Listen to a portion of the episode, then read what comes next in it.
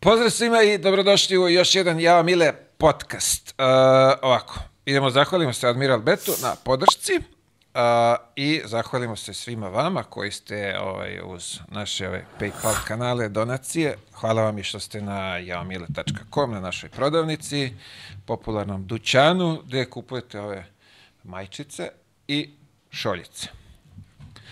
A ovako imamo i ovaj, molbicu da nas zapratite na ovom našem YouTube kanalu, kanalu da rastemo iz dana u dan, da budete obavešteni šta radimo, kako radimo itd. itd. itd. A danas imam izuzetnu čast i zadovoljstvo da ugostim jednog gospodina. A, ajde ovako, kratko ćemo. Gari Lala. Ćao, Mile. Jovan Zdravković je sa nama, poznati kao Gari. Gari. Hvala mnogo na ovom pozivu. Sad će mi sin verovati ja si igrao košarku, jer često me pita odakle ti poznaješ sve ove ljude, rekao sine, tata igrao košarku, tako da Mateja gledaj. Ovaj, stvarno mi je čast pored svih, da kažem, košarkaških legendi ljudi koji su napravili nešto, da eto, si mene pozvao, sad ajde kažem, tom prilikom, igrao sam na nekom nivou, ali je, nadam se da će biti zanimljivo tebi Biće sigurno, u to ne sumnjam, ovaj, bitno je, što bi rekao, koš, koš, košarka nas je spojila, spojila znaš, tako da. je, da, bilo je, nek, naš, neko prvi, prvi naš susret je bio vizura. Jest, jest, vizura, ono... treninzi, ovaj off season gde smo se sastavljali za pick-up. Tu sam možda čak i prvi put doneo ovo pokazuje, možda se sećaš kad sam imao plan da prestajem da igram, da nešto počinjem, ovaj, pre jedno 10-11 godina, boga mi. Kad smo trenirali, da. Ima toliko? Ima, boga mi. Wow. Ima, ima. To je, ja sam počeo 2012. presto, a počeo sam novim poslom, ovaj, tako da ima, boga mi, 12, eto. Bravo. Mnogo smo matorili. Bravo, vidi, omatorilo se, da. Još sa, kad budeš izbacivo ovaj, sa, sa kojim igračima si bio. Jest, znaš, jest. Igrao sam i Igrao sam da. i s ovim, da. Ovaj je bio tamo, da. Je, a pre nego što krenemo, molim te, a, možeš da nam ovaj, objasniš i dočaraš te tvoje buldoge koje imaš u kući. Da, imamo ovaj, kod nas eto, vlada demokratija i pošto je lepši deo porodice iz Crne Gore, onda smo dali ovaj, slobodu da se, da se ovaj, imenuju po našoj susednoj državi, zovu se Milo i Momo i samodrživi ekosistem Francuza šetaju se sami, vrate se svaki put, komšije ih znaju. E, to ovaj, mi je ovaj, zanimljivo, ja, kaže, čovjek otvori vrata, pusti. Pusti ih malo, da, malo, zvali su nas komšije prvih mesec dana, kaže, pobegli su vam psići, rekao, nisu, pustite ih sve u redu, ovaj, i vraćaju se, vole da obiđu jednu baku, obradaju nju, ona ih malo nahrani, tako da svima dobro. Imamo baš dobre, dobre ljubimce. Ovaj, Milo je malo krupniji, ima ovako belo na grudima i hrče dosta, a Momo je nežnije, dosta nežnije. Čekaj, kako sad, ja, ja imam kuće isto, ja moram izađem, prošetam ga vamo tamo, ti samo otvoriš vrata pa jes, i izvolite to je, momci. to je ovaj, supruga iz ovaj, verovatno lenjosti svoje crnogorske pokušala, ono, ako prođe, prođe. Šalim se, ovaj, ja sam odrastao sa psima, otac moj imao pse i onako malo sam ih dresirao i, i vodao bez povoca, hranio i tako dalje. Uradi se jedna šetnja, ali kažem one male šetnje ovaj, za, za obavljanje nužde i taman ovaj, da obraduju naše komšije, smo ih nekako naučili, potrefilo se, eto, baš su ovaj, ispali dobri. Igrom slučaja nismo trebali da imamo dva, ovaj, krenuo sam po jednog kao poklon, međutim od drugara sam dobio, reče mi je, oni su braća, zajedno su ovaj, zajedno su u boksu sedam meseci, pošto on čovjek radi sa psima, trebalo je da idu, na primer, Južnoafričku republiku, njih su ih pokupili nikada i ovaj, ja sam došao po njih s namerom da uzmem jednog, međutim, evo i dvojica, čim su ušli u kuću, eto, ostali su oboje. Divna, divna jedna priča. Jest, da. Ali kad, sam re, kad, sam, kad, kad, kad sam čuo u stoji, kad su mi rekli, kaže, samo ga pitam ti kako im otvori vrata. Jest, jest. Odu i vrati se Potpuni sam održivi sistem. Od donja, gornja, odu, vrate se, dobiju nagradu. Sad usput, verovatno obradu još nekog, ali baš su dobri. Pokazat ću ti. Nisu opasni? Ne, pa ne, ovaj, ne. Nikad. Ja vidim što je, što je le. Ne, ne, ne, ni za pse, ni za decu. Pošto su a, testirano je s našim reljom koji im svašta radi, ovaj, otporni su na, na maltretiranje, tako da. Dobro je sve. E, a pazi ovo, sad, ljudi koji ne znaju, ovaj, može da nazovemo to tako da, da si ti jedan od ovaj, najboljih košarkaša među kafeđijama. I pa, obratno. I nije baš tako laka A? konkurencija, ali mogo bi da se tu svrstam, da. Ovaj, Pa ja ne znam niko da ovaj radi ovaj posao Jest, koji si ti radio. jest, jest. To jest koji radiš i dalje. Pokušavali su, da, ali ne, ne tako dobro. Ajde, recimo da, da eto, možda se kaže. Možda se kaže. Kako je krenula cijela ta, ta priča? Sa Aj prvo reci o, o čemu se radi. Da, evo je ovde.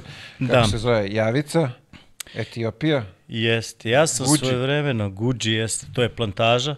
Ja sam svoje vremeno, dok sam bio povređen u Holandiji, slomio nogu, igrao sad, ajde, nije baš ponosno, Texas Hold'em online, bilo ono na Facebooku bez para.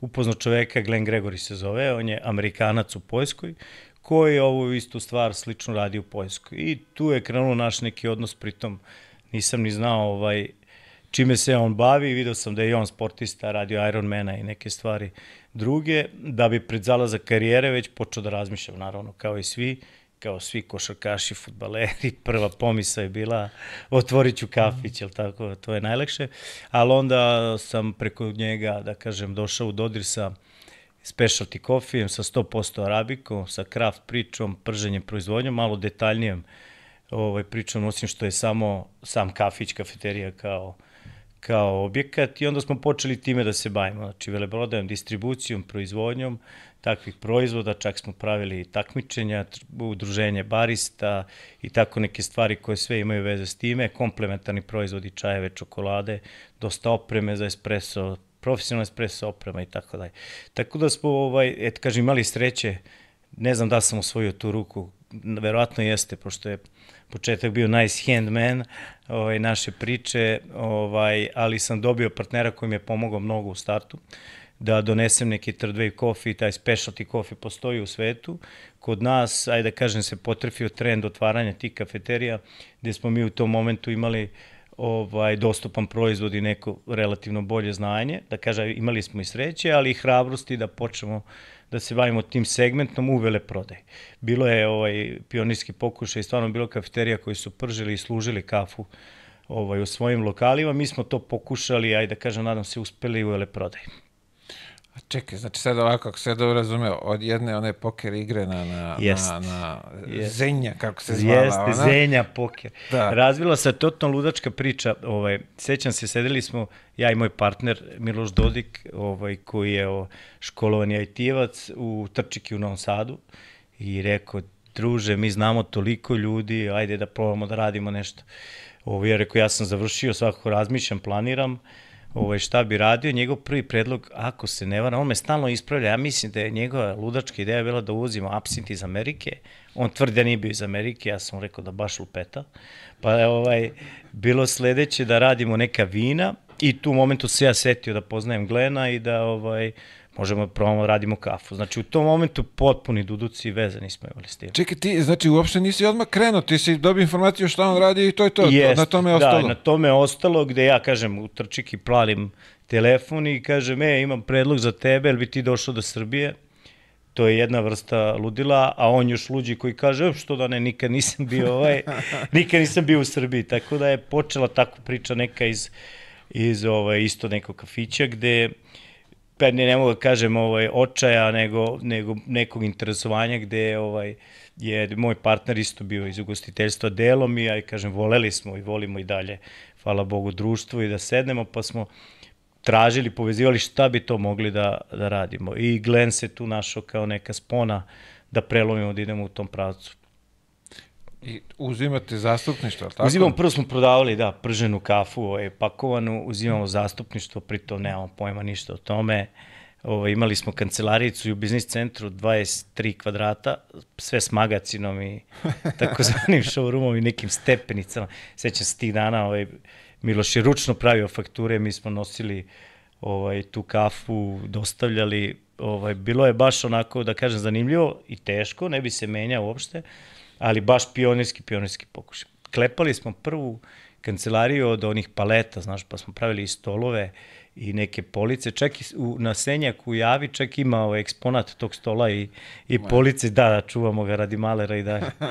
ovaj, tako da smo sve sami, da kažem, radili, angažovali ljude i servisera i ovaj, bariste po, po nekom poslu dok nismo malo porasli.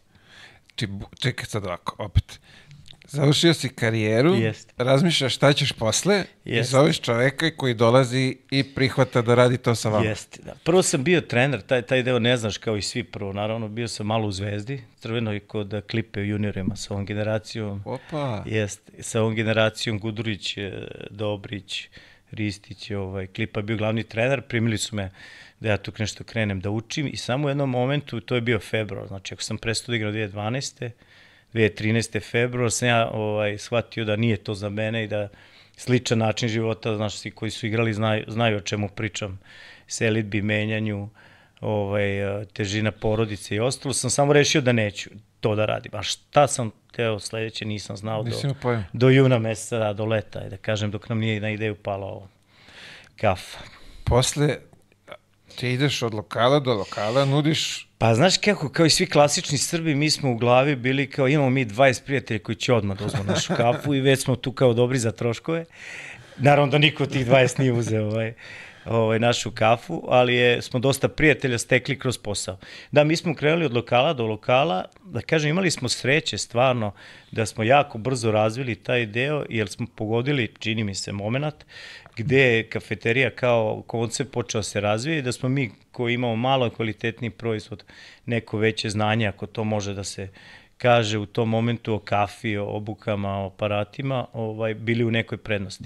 I ta neka kraft priča, u tom momentu onako svi su teli da imaju do tog momenta isto, evo on ima sad ajde da naimenujem Da, da, ove brendove, ja imaću i ja, onda u tom momentu počinju malo da žele da imaju različito, pa ovo je samo moje, ovo nema svako i tako. A kako si ti uzbo, izborio sa, sa tom konkurencijom velikih brendova? Pa sad kad me pitaš, mi smo onako uh, potpuno tipično radili i, i hteli da, da, bar smo mi videli taj neki otvor u tržištu gde ovaj gde ima takvih kupaca koji ovaj neće uzimati neke sponzorske ugovore, nego će im biti bitan kvalitet i odnos i samo znanje. Ovaj tako da smo tu negde tražili neku svoju šansu, nismo imali ovaj novca ni za marketing ni za kakve te NDK celje i šta se već nudi. Ovaj, I onda smo išli, da kažem, na, na, na suštinu svega, to je svež dobar proizvod, znanje o tom proizvodu, obuka, održavanje tih aparata, što bi amerikanci rekli customer service, i to neko znanje, imidž koji im dajemo mi kao, eto, kažem, malo drugačiji izgledom, ponašanjem, pristupom ovaj, kupcima. Eto. Da me sad pitaš, to je bilo potpuno ludilo što smo mi pokušali, ali nam je drago što smo uspeli.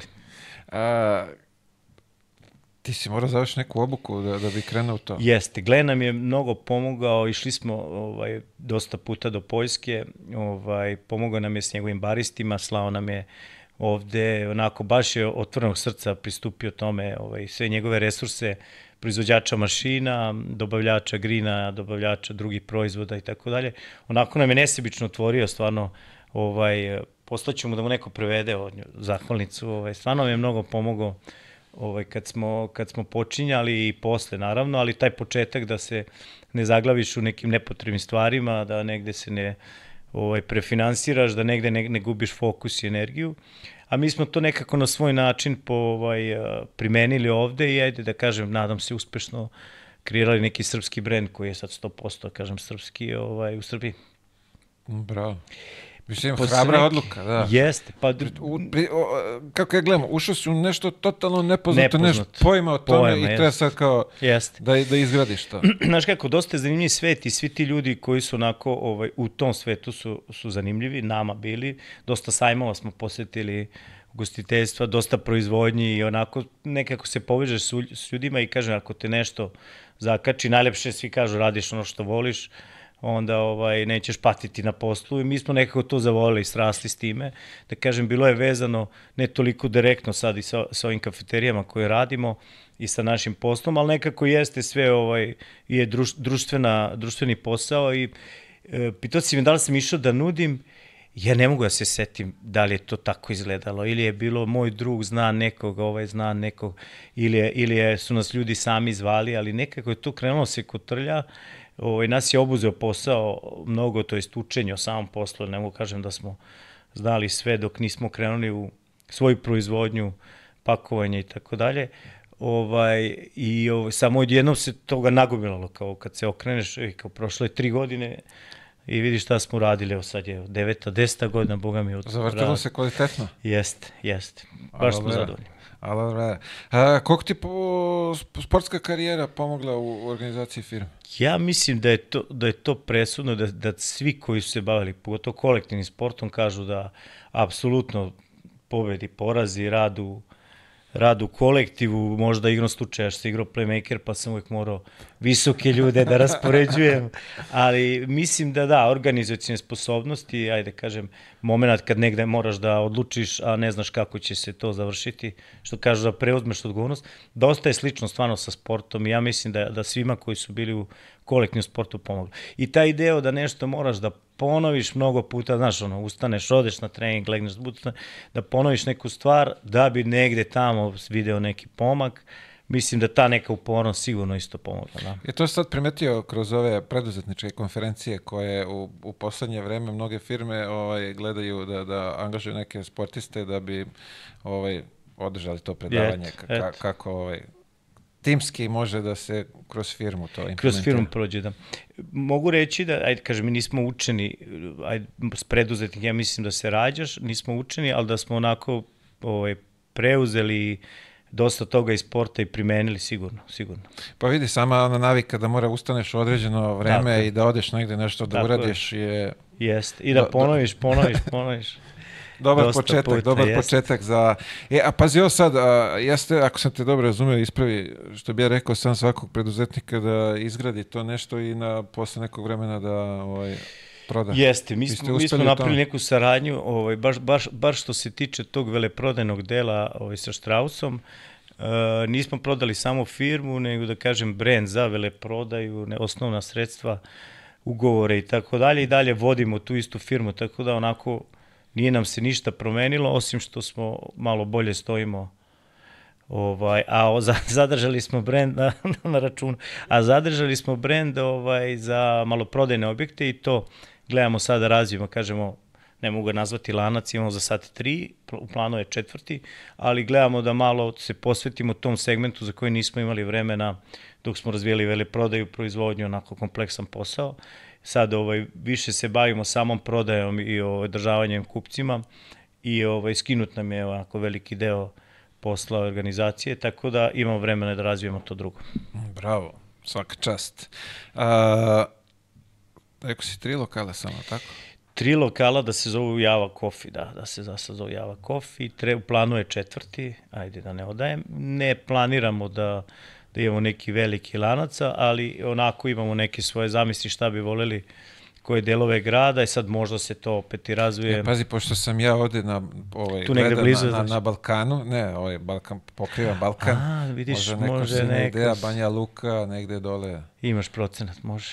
Split, Vuče, to, Split, da. Zadar, deo, znaš, deo i vode. Nije, ne znam nije gde. loše, ovaj, nismo, nekako se i ta, ta, to neko spajanje prodaje desilo brzo da, da se sve u hodu ovaj, dešava promena planova i ra, razvitak, ovaj, tako da, mislim, što da ne, ja sad kao kažem nešto ne bih hteli, ali što da ne, može, Nikad možda ne zna. bude, nikad, se ne zna. ne zna šta može da se ovaj, izrodi. Tako A kad smo već kod ovog uh, rađanja, novi brend je tu.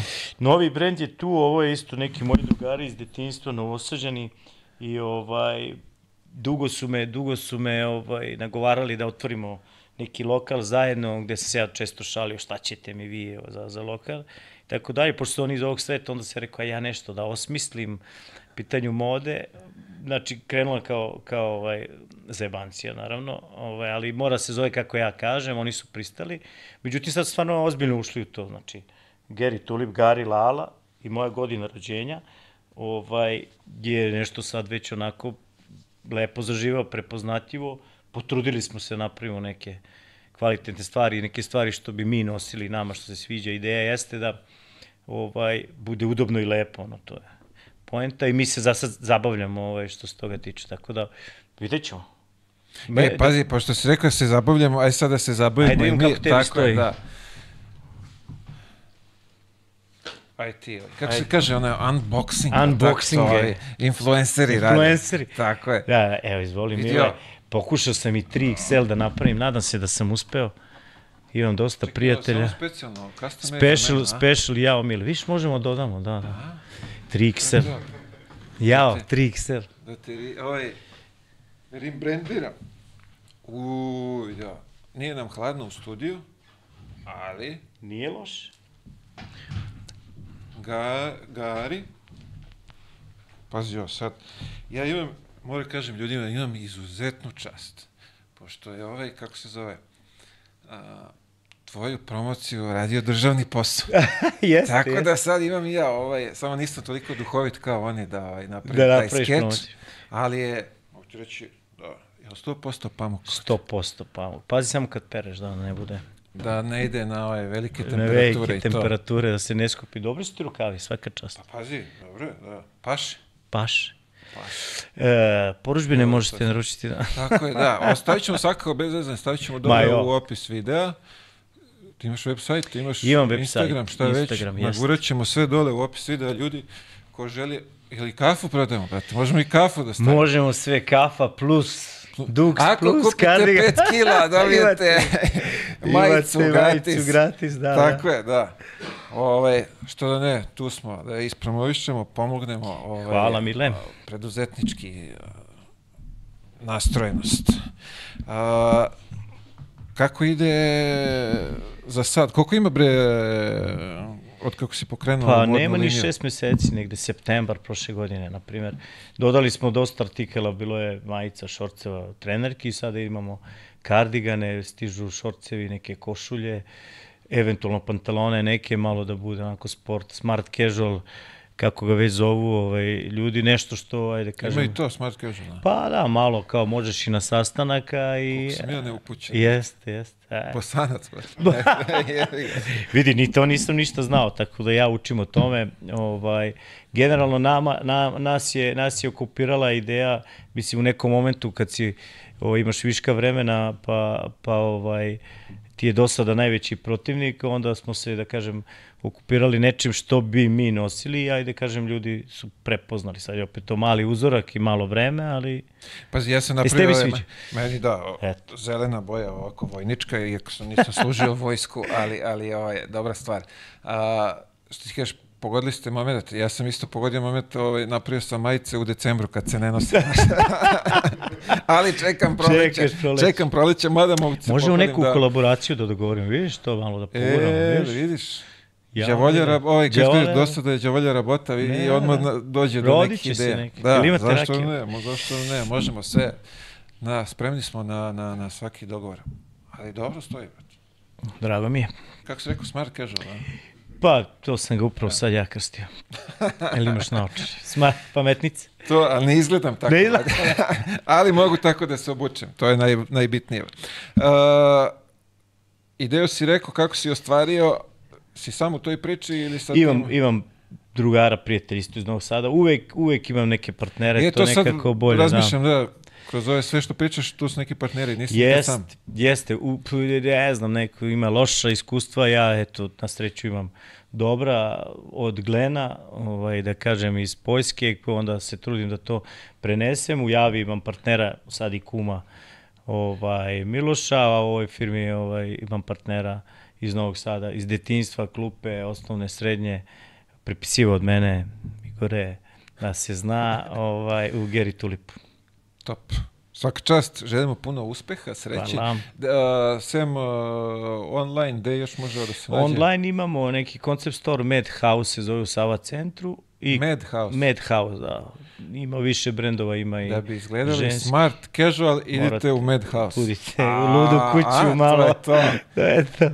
Ima za svakog po nešto. Sad da kažem, mi smo mala firma, ovaj, ali nadam se da će se pronaći. Nema veze i ovi su krenuli iz garaže, ovi kako se zovu, Microsoft i ovi Apple. i- E, jest. Tako da i polako sve se to ovaj, uh, razvija dobro. Razvija. Uh, ajde ovako, ajmo da se vratimo mi košarci. Uh, krenut ćemo od Eurolige, na primjer. Može. Znam da tu imaš onako... Pratim dosta, volim, jeste. Jeste, evo, okrenut sam jednoj, jednoj boji više nego ovoj drugoj, da kažem, ali ne mogu reći da mi nije drago što postoje dva kluba koji igraju u, u, iz Beograda i Srbije Euroliga što je toliki hype. Ovaj, imamo situaciju u porodici da je moj sin zvezdač, ja partizanac, moj otac isto zvezdač, tako da to izgleda malo onako nasledno, se svakom vraća ovaj, po toj liniji. E, moj sin ima kupio mu tata ovaj, godišnju kartu za zvezdu, ja imam naravno za partizan. Ovaj, I jako mi je zanimljivo, jako je dobra košarka, e, pune hale, da kažem, priča se konstantno. Naravno, ove priče sportske mi više volimo nego neke Tako je, da. tenzične. I, Već ovaj, ulazimo da. u, u, u ovu. Ali, ali ovaj, jako mi je drago što, što je košarka nazad na, na velikim vratima i uspeh reprezentacije i, i klubova, relativno uspeh, sad to možemo komentarisati, ali da je svaka utakmica spektakl, pogotovo u Beogradu, Zvezde i Partizana, jeste.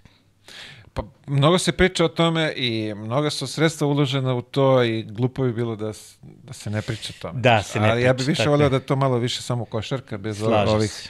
ovih sranja sa strane koje Slažem dolaze. se mnogo, Ali, bože je- moj, tako je podneblje ovaj, i teško možemo ovaj, jedno bez drugog. Jeste, jeste. Baš smo onako nacija koja, eto, shodna je i da se malo ovaj, posvađa između sebe zbog nekih stvari koje su, mislim, bitne jesu, ali ne toliko bitne da to tako izgleda ovaj, u tom obliku.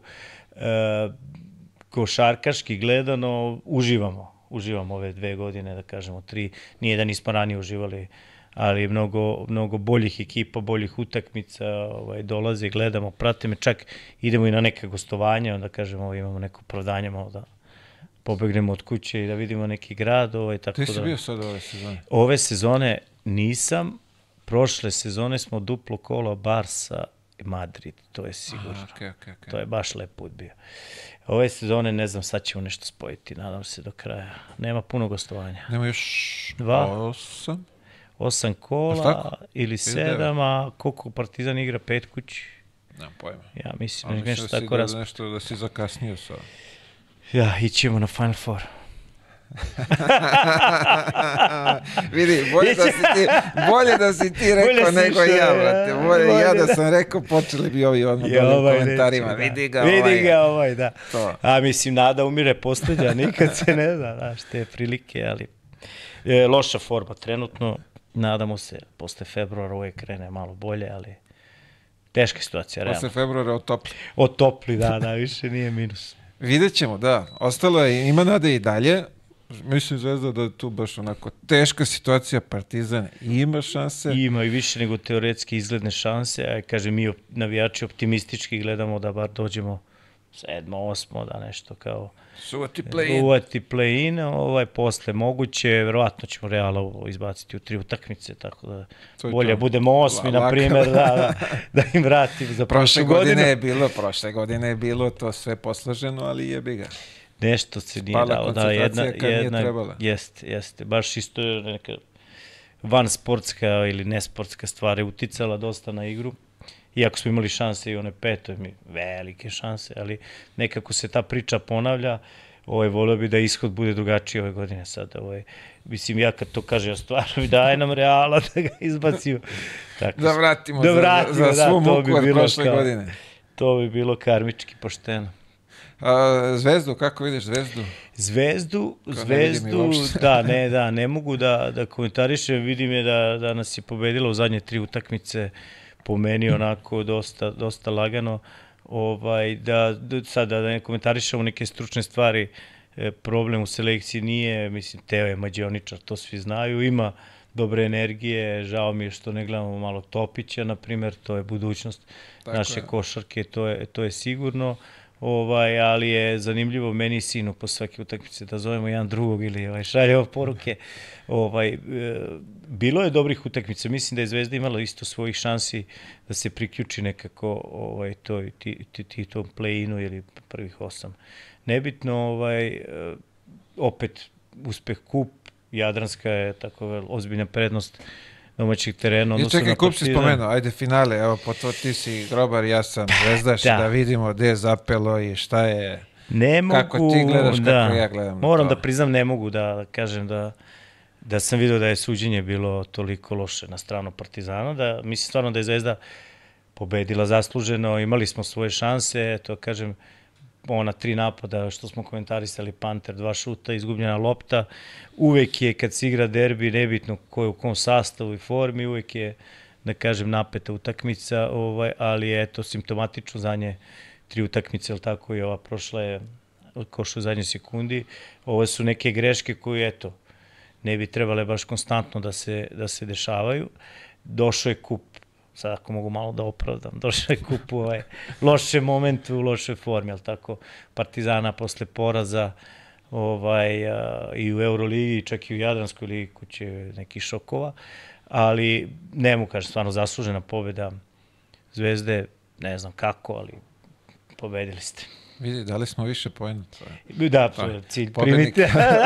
da, više Taktika za pobjedu dati više od protivnika, da. Mi smo uspeli u tome, osvojili smo koji kup već u nizu, kako to Jeste, ide. Jeste, baš dosta kupova. Mislim, ok, to meni kup, ali nekako ovo mi je vamo draže, ova, ova liga, Euroliga, međutim tu smo zvezda što se zvezda tiče toplo-hladno ove sezone. Jeste, to je malo rezultati su onako za mene bili neočekivani Crvene zvezde, mada eto, mislim možemo komentarišemo taj potez ne bi, ajde ulazim u struku, ali kažem Nejpir koji je trebao da bude taj Ja ne znam, stvarno. Koji, eto, nije da. bio taj, da, u tom smislu. Da dečko dođe onako i da, da, da, da ima onaj da. blagi Ja sam ga često branio, možda, možda baš zato što je loše igrao, kao nemojte ga dirati. Treba još Nego ostane što duže. Ali ovaj, stvarno, stvarno onako loše reagovao na, na celokupnu atmosferu.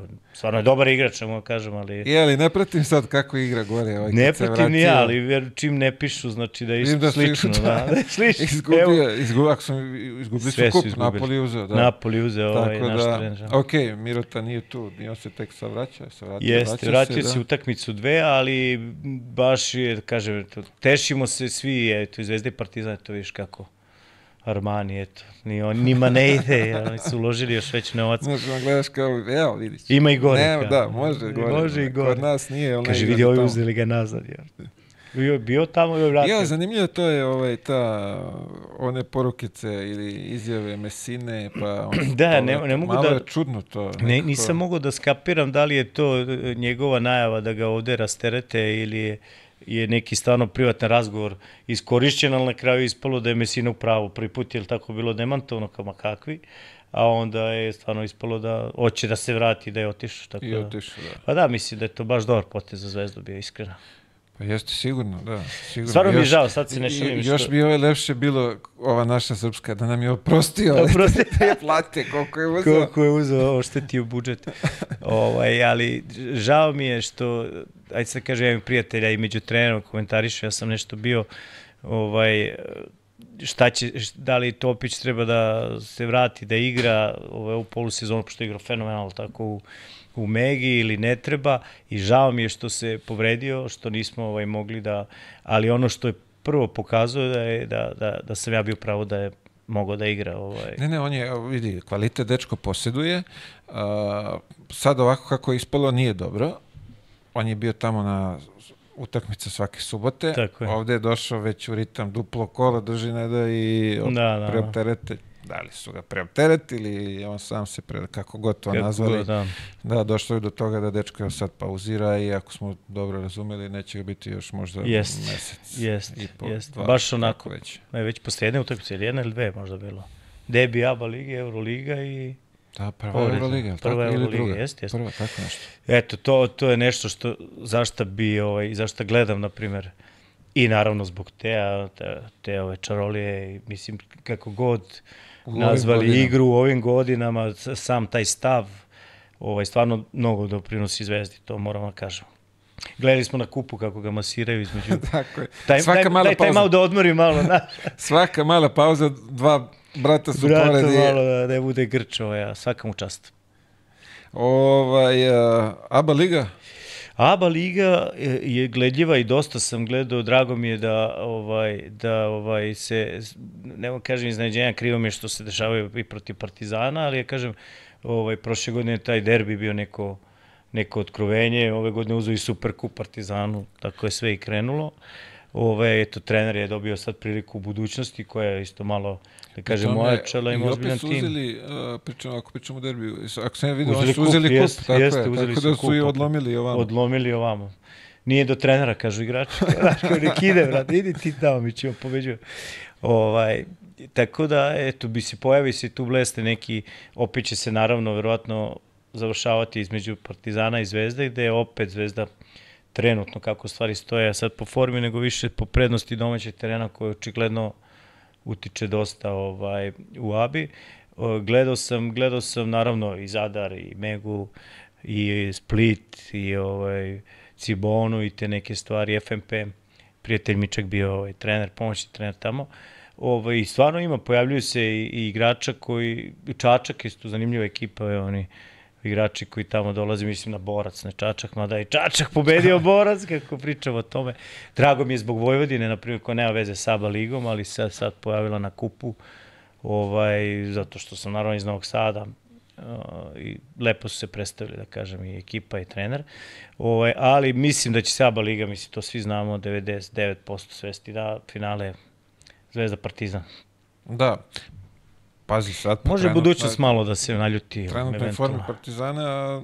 Jeste, veoma može bude, da, ali nadam, što ti kažeš, posle kupa to sve ovaj, sunce ogre, pa ćemo da pa, vidimo kako tako da nešto izgleda, se da. mi nadamo, ne znam šta drugo da kažem, ali je, ajde, vratimo film i prošle sezona je negde raketa uspon, osim naravno one te koncentracije krenula uzbrdo od februara, da kažem.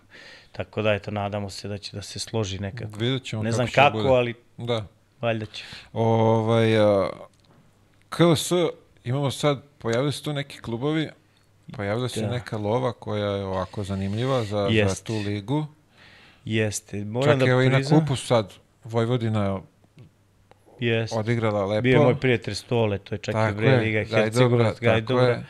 Ovaj, da, moram priznam da nisam... Da Zini, nisam, Čačak 9-4. Čačak 9-4. Da koji su da, izbacili isto i bivši igrači, to je isto lepo. Ovaj, moram priznam da nisam pratio KLS do, do momenta, do sad kupa, gde sam se malo zainteresovao i pro, provrtio, koliko sam čuo i Spartak isto fino ulaže, ima da, da, ozbiljno. lepu neku ovaj, pričicu. Mnogo mi je drago, mislim, sad je aktualna ta tema, da li redi, da li igrati ABA ligu, da li prebaciti kvalitet i fokusirati se na KLS, šta to ima smisla, nema, ali uglavnom meni je drago, prvenstveno Vojna Spartak, ovaj Čačak da da su to stvarno više nisu ono topovsko meso, nije lako ko smo videli niko da ih pobedi.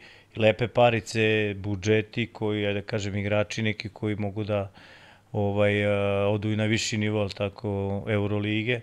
E, i, i baš, baš mi je prijalo ovo što sam gledao ovaj, slušao, da kažem, time oute Vojvodine i kako izgledala ekipa, ovo, stvarno pozitivan utisak, naravno, Hercegovac u svom, svom rangu i oni su naši tamo da ih pohvalimo, ali ovaj Vojvodina je stvarno onako delovala kao ekipa. Nadam se da će uspeti da, da, da ostvari tu ambiciju. Ne znam i kako se ulazi sad, jel, mogu da uđu u ABA 1? Uh, pa evo sad ima ta i, i derbi, uh, derbi uh, Dubaji. Dobro. Ako sam ja razumeo kako to funkcioniše, u slučaju Dubaja da ulazi, onda se otvara mesto za, da se za srpsku ekipu. Da, da, to bi baš bilo dobro. Ovaj, Pošto će ovaj da pljusnu lovo, je li tako? Jest, jest. Ovaj, ovde prima, gde god ima, ovaj, ko hoće da plati, primaju ga. Đoleta Đoković, on mora zna. Jel tako? Ima informacija? Da. Mo, ima. On je tamo, ne, vidio sam ga na, na slikama. Da, Jest, da je, ovaj, ima veze s tim. Zvaću ga ja da pitam. Ovaj, po priči, ovaj će da pljusnu lovu, ovaj to će da ja čuo, da. mesto. Da. I za mesto i, i u Euroligi, ako ne ove, one tamo sledeće i za, i za Jadransku ligu. Uh, mislim, sve što i, pospešuje kvalitet i ja kaže donosi gledanost publiku, ajde da ne odbacimo, a opet ako je to otvaranje jednog mesta za nas, što da ne. Pošto sam, ako sam dobro shvatio, ako ne ispade jedan srpski klub, ne može da uđe drugi, što se neće do, desiti, ili tako? Do sad je bilo tako, tako da. je ali bilo. u slučaju sada ako... Ovaj, Uđe Dubaj, moći će da... Pa ajde, Đole malo pogure. Malo. Pa vidi, pogurali su milion i po po sezoni. Šta ćeš? Gde ćeš više? Pa ovi ne mogu napraviti milion i po, da, da, da, ne znam ko da stane. Realno. Ko će da milion i po da bude To im budžet za celu godinu, Jeste. Da im pokrije sve ovaj, to. Pa delo je zanimljivo, delo je i, i, ta, i ta najava za Euroligu, ne znam ili im prerano da igraju odmah i da će to biti kao neki projekat. Uslov je da se igra ABA liga i Eurocup. I Eurocup, da prve bi godine. Da one tamo da. ušli u, da. u Euroligu. Tako Biće da... mali potres i zanimljivo sa, sa, da kažem, novom lovom koja ulazi ovaj, ali opet radujemo se. Kako će braća da se otvore? Dobro, Kako a? će da, što nije u naše vreme bilo, znaš? E, E. šta će tu sve u ugovorima da Šta se će traži? sve da bude? brate? Kakva kola, jet. kakve kuće i na onoj palmi da, Ovaj, da da, mislim, e, koliko sam ja shvatio Dubai, ajde kažem sad neke moje informacije, e, želi da ima dosta rezidenta koji nisu odande i kojima treba pružiti sadržaj, otud i kažem, ajde, lobiranje za futbal i košarku u tom obliku, tako da, mislim, imaju ljudi love, nek daju malo, što sad, nek prebace. Njima lova nije problem. Nije problem. Da. A, NBA. NBA action. pratim, da, pratim Jokića, stvarno, trudim se, sin i ja, on ajde ne može, ali ja trudim se, gledam svaku utakmicu, Čekaj, samo kad gledaš, ostaneš noću, ono da Blaze gledaš ili... Jeste, regnem ranije, probudim se, ne moram baš ujutro, budem na poslu. Ovaj, probudim se često, To gledam je kad si direkt. preduzetnik. Da, ne moraš to je ujutro prednost. Da ustaješ u Ponedjeljak osam. neću da idem, neću, nedeljom radim. Ovaj, to su ove, benefiti. Baš pratim Denver mnogo, e, mislim da, da, da, da smo u nekom istorijskom momentu kao i što su se ljudi osvrtali na Novaka, kao ne, ne shvatam u, u eri smo ovaj, najveći tenisera ikada, ja imam tako neki osjećaj za njega, on mene oduševljava, samim tim što sam ja kad sam bio pomoćnik klipi i kad sam gledao, on je se tad pojavio u Vojvodini, gde sam ja bio potpuno oduševljen ovaj, nekim koga u tom momentu nisu poznavali, ali tako? Uvek ima priča, ono, pioniri, kadeti, juniori, do tog momenta gde je on fascinantno nekako na, sa istom lakoćom igra, ovaj, kao i sad, sad je to već onako više i sinoć 10-10, mislim, Mile, ja, ja da, da ubacim 10, ja bi 30 šut. Ovi, neverovatno, stvarno deluje toliko moćno, smireno, naravno pričamo o napadu, odbranu nećemo da komentarišemo, ali ovaj neverovatno koliko je ga ljudi vole, prihvatili ga tako, koliko rezultati se poklapaju, tako. Mislim da niko ni ne odaje priznanje tom treneru koji je prepoznao da kažem taj momenat da mu da ovaj za specifičan stil igre. Tako je, ali pazi, on u tom momentu o, Nurkića Jest, izbacuje koji je bre, bio- iz petorke, posle iz ekipe Tako ga šutira je. da bi ovaj dobio prostor. Tako da ne možemo reći da, da, da Melon nema ne, neki veliki uticaj, ima nešto je prepoznao, da kažem, ovaj, uh, i, i sav taj njihov odnos ovaj, mene oduševljava sad, ajde ja pričam samo iz nekih sportskih razloga, naravno bit će komentara i oko reprezentacije, oko drugih neke stvari, ali košarkaški gledano je on fenomen koji pokazuje i dokazuje naravno da fizika nije ono nešto što je daleko od toga da je on ovaj slab, ali ne skače toliko, nema hajlece i toliko je koristan, evo i sinoć iznao izjava, baš sam gledao jutros, čet, 28. triple double, znači proti svih ekipa, izvini, Tako je. u ligi, ne 28. 30, nego da, 28. 29. Da. Ovaj, tako da ono, ruši, ruši sve si- silne rekorde, pritom Denver ima rezultate, svi igrači igraju Tako je, nisu bolje. kanta za, za nabijanje, pa Tako kao, je, evo pa ga, kao, ovaj evo ga ovaj pravi trpa rekord, i da, da. pravi rekord. Nego to, to je neka razlika, da kažem, između, između igrača koji imaju, ako neko ne razume zašto je Jokić između ostalo zašto mu tim ovaj, igra bolje, zašto mu saigrači izgledaju bolje, zato što je osvojio titulu, mislim pored svega toga. Tako da i pratim ostale stvari, bio sam sad, skoro sam bio u Americi, gledao sam uživo, e, bili smo s Bogdanom Bogdanovićem i napalo je baš na banje veče, bili smo na večeri, gledali utakmicu Orlando, Atlanta u Orlandu i bio, bili smo u hotelu s igračima, onako, baš sam bio bio oduševljen sa celim okruženjem, videli smo Dominika Wilkinsa, naravno, sve igrače Atlante. On je tamo u su ekipu, a? On je uz ekipu, ja mislim da je on komentator da prati ekipu Aha, gde aha, igra, okej, na primjer. okej, Da. bravo. I gledali smo Oklahoma, Miami, Vasu Mićića i Jovića. Jović isto fino igrao tada, Vasa isto toliko koliko ga je u tom momentu pustio. Ovaj, I baš, baš sam teo da usporedim, da kažem, atmosfere i ovaj, organizacije sa našima. E, nema, ve, nema veze jedno s drugim, ne mogu da kažem ni da mi je jedno bolje od drugog. Ovaj, ali mi je prijelo, prijelo da pristujem NBA utakmicu. Vjerojatno je playoff utakmica drugačija nego, Apsolutno. nego ovaj, ovo, ti znaš bolje, ali je meni baš prijelo ovaj, to što sam bio, možda ta, više taj vikend gde smo bili u hotelu s igračima, gde smo mogli svima da popričamo i to i posle utakmice. Ovaj, tako da pratim dosta, pratim Bogdanove igre, pratim Jovićeve igre, naravno Vasa Mitić, nadam se da će dobiti sad više prostora. Prevaslovno pratimo zbog naših, onda ja i sin ovaj, komentariše, on ima svoje neke favorite, ovaj, tako dalje. All Star ne gledam, ali ovaj, čekam, čekam Čekaj, taj bre, kad playoff. si već All Star, kako je ovo sprdnja? Šta je ovo? Pa ja mislim treba ukinuti ovo, baš negledljivo, ono je, ne znam, Svi do ti ekipa 200. 200 poena. 11, koliko su Koga da. jebete, da, baš je, Na šta to liči? ti- izgubilo neki smisao, da, oni verovatno od količine tog ovoga show, show business, show time ono, da, otišli su ekstrem. I to je otišlo toliko u neku sprdačinu da, znaš, da, da sad tu su Negledljivo. neki reperi, jure se, je, Jest, ajde, sveteći tereni, ovaj, da, da, celebrity kapiram da im game. uzimaju lovu, ono, porez na budale, da, da Moguće, to, da moguće, sede u da. prvom redu, da ih klepaju po ušima.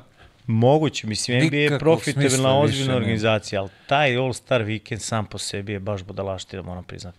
Čak izgubilo se ono, mi sećate kad smo mi gledali zakucavanje, o, takmičenje trojkom, pa jesi čekaš. lud, ono, znači nekako ne može... On sad šeka, blizu. sva, svako zakucavanje neko šeka preskače. Bro. Da, da, Svake pa- godine on tamo je svi šeka. Daj bre ljudi. Leti preko šeka, jeste. Čekaj, molim te, a kako se zove ovaj iz, iz Bostona? Je svirao?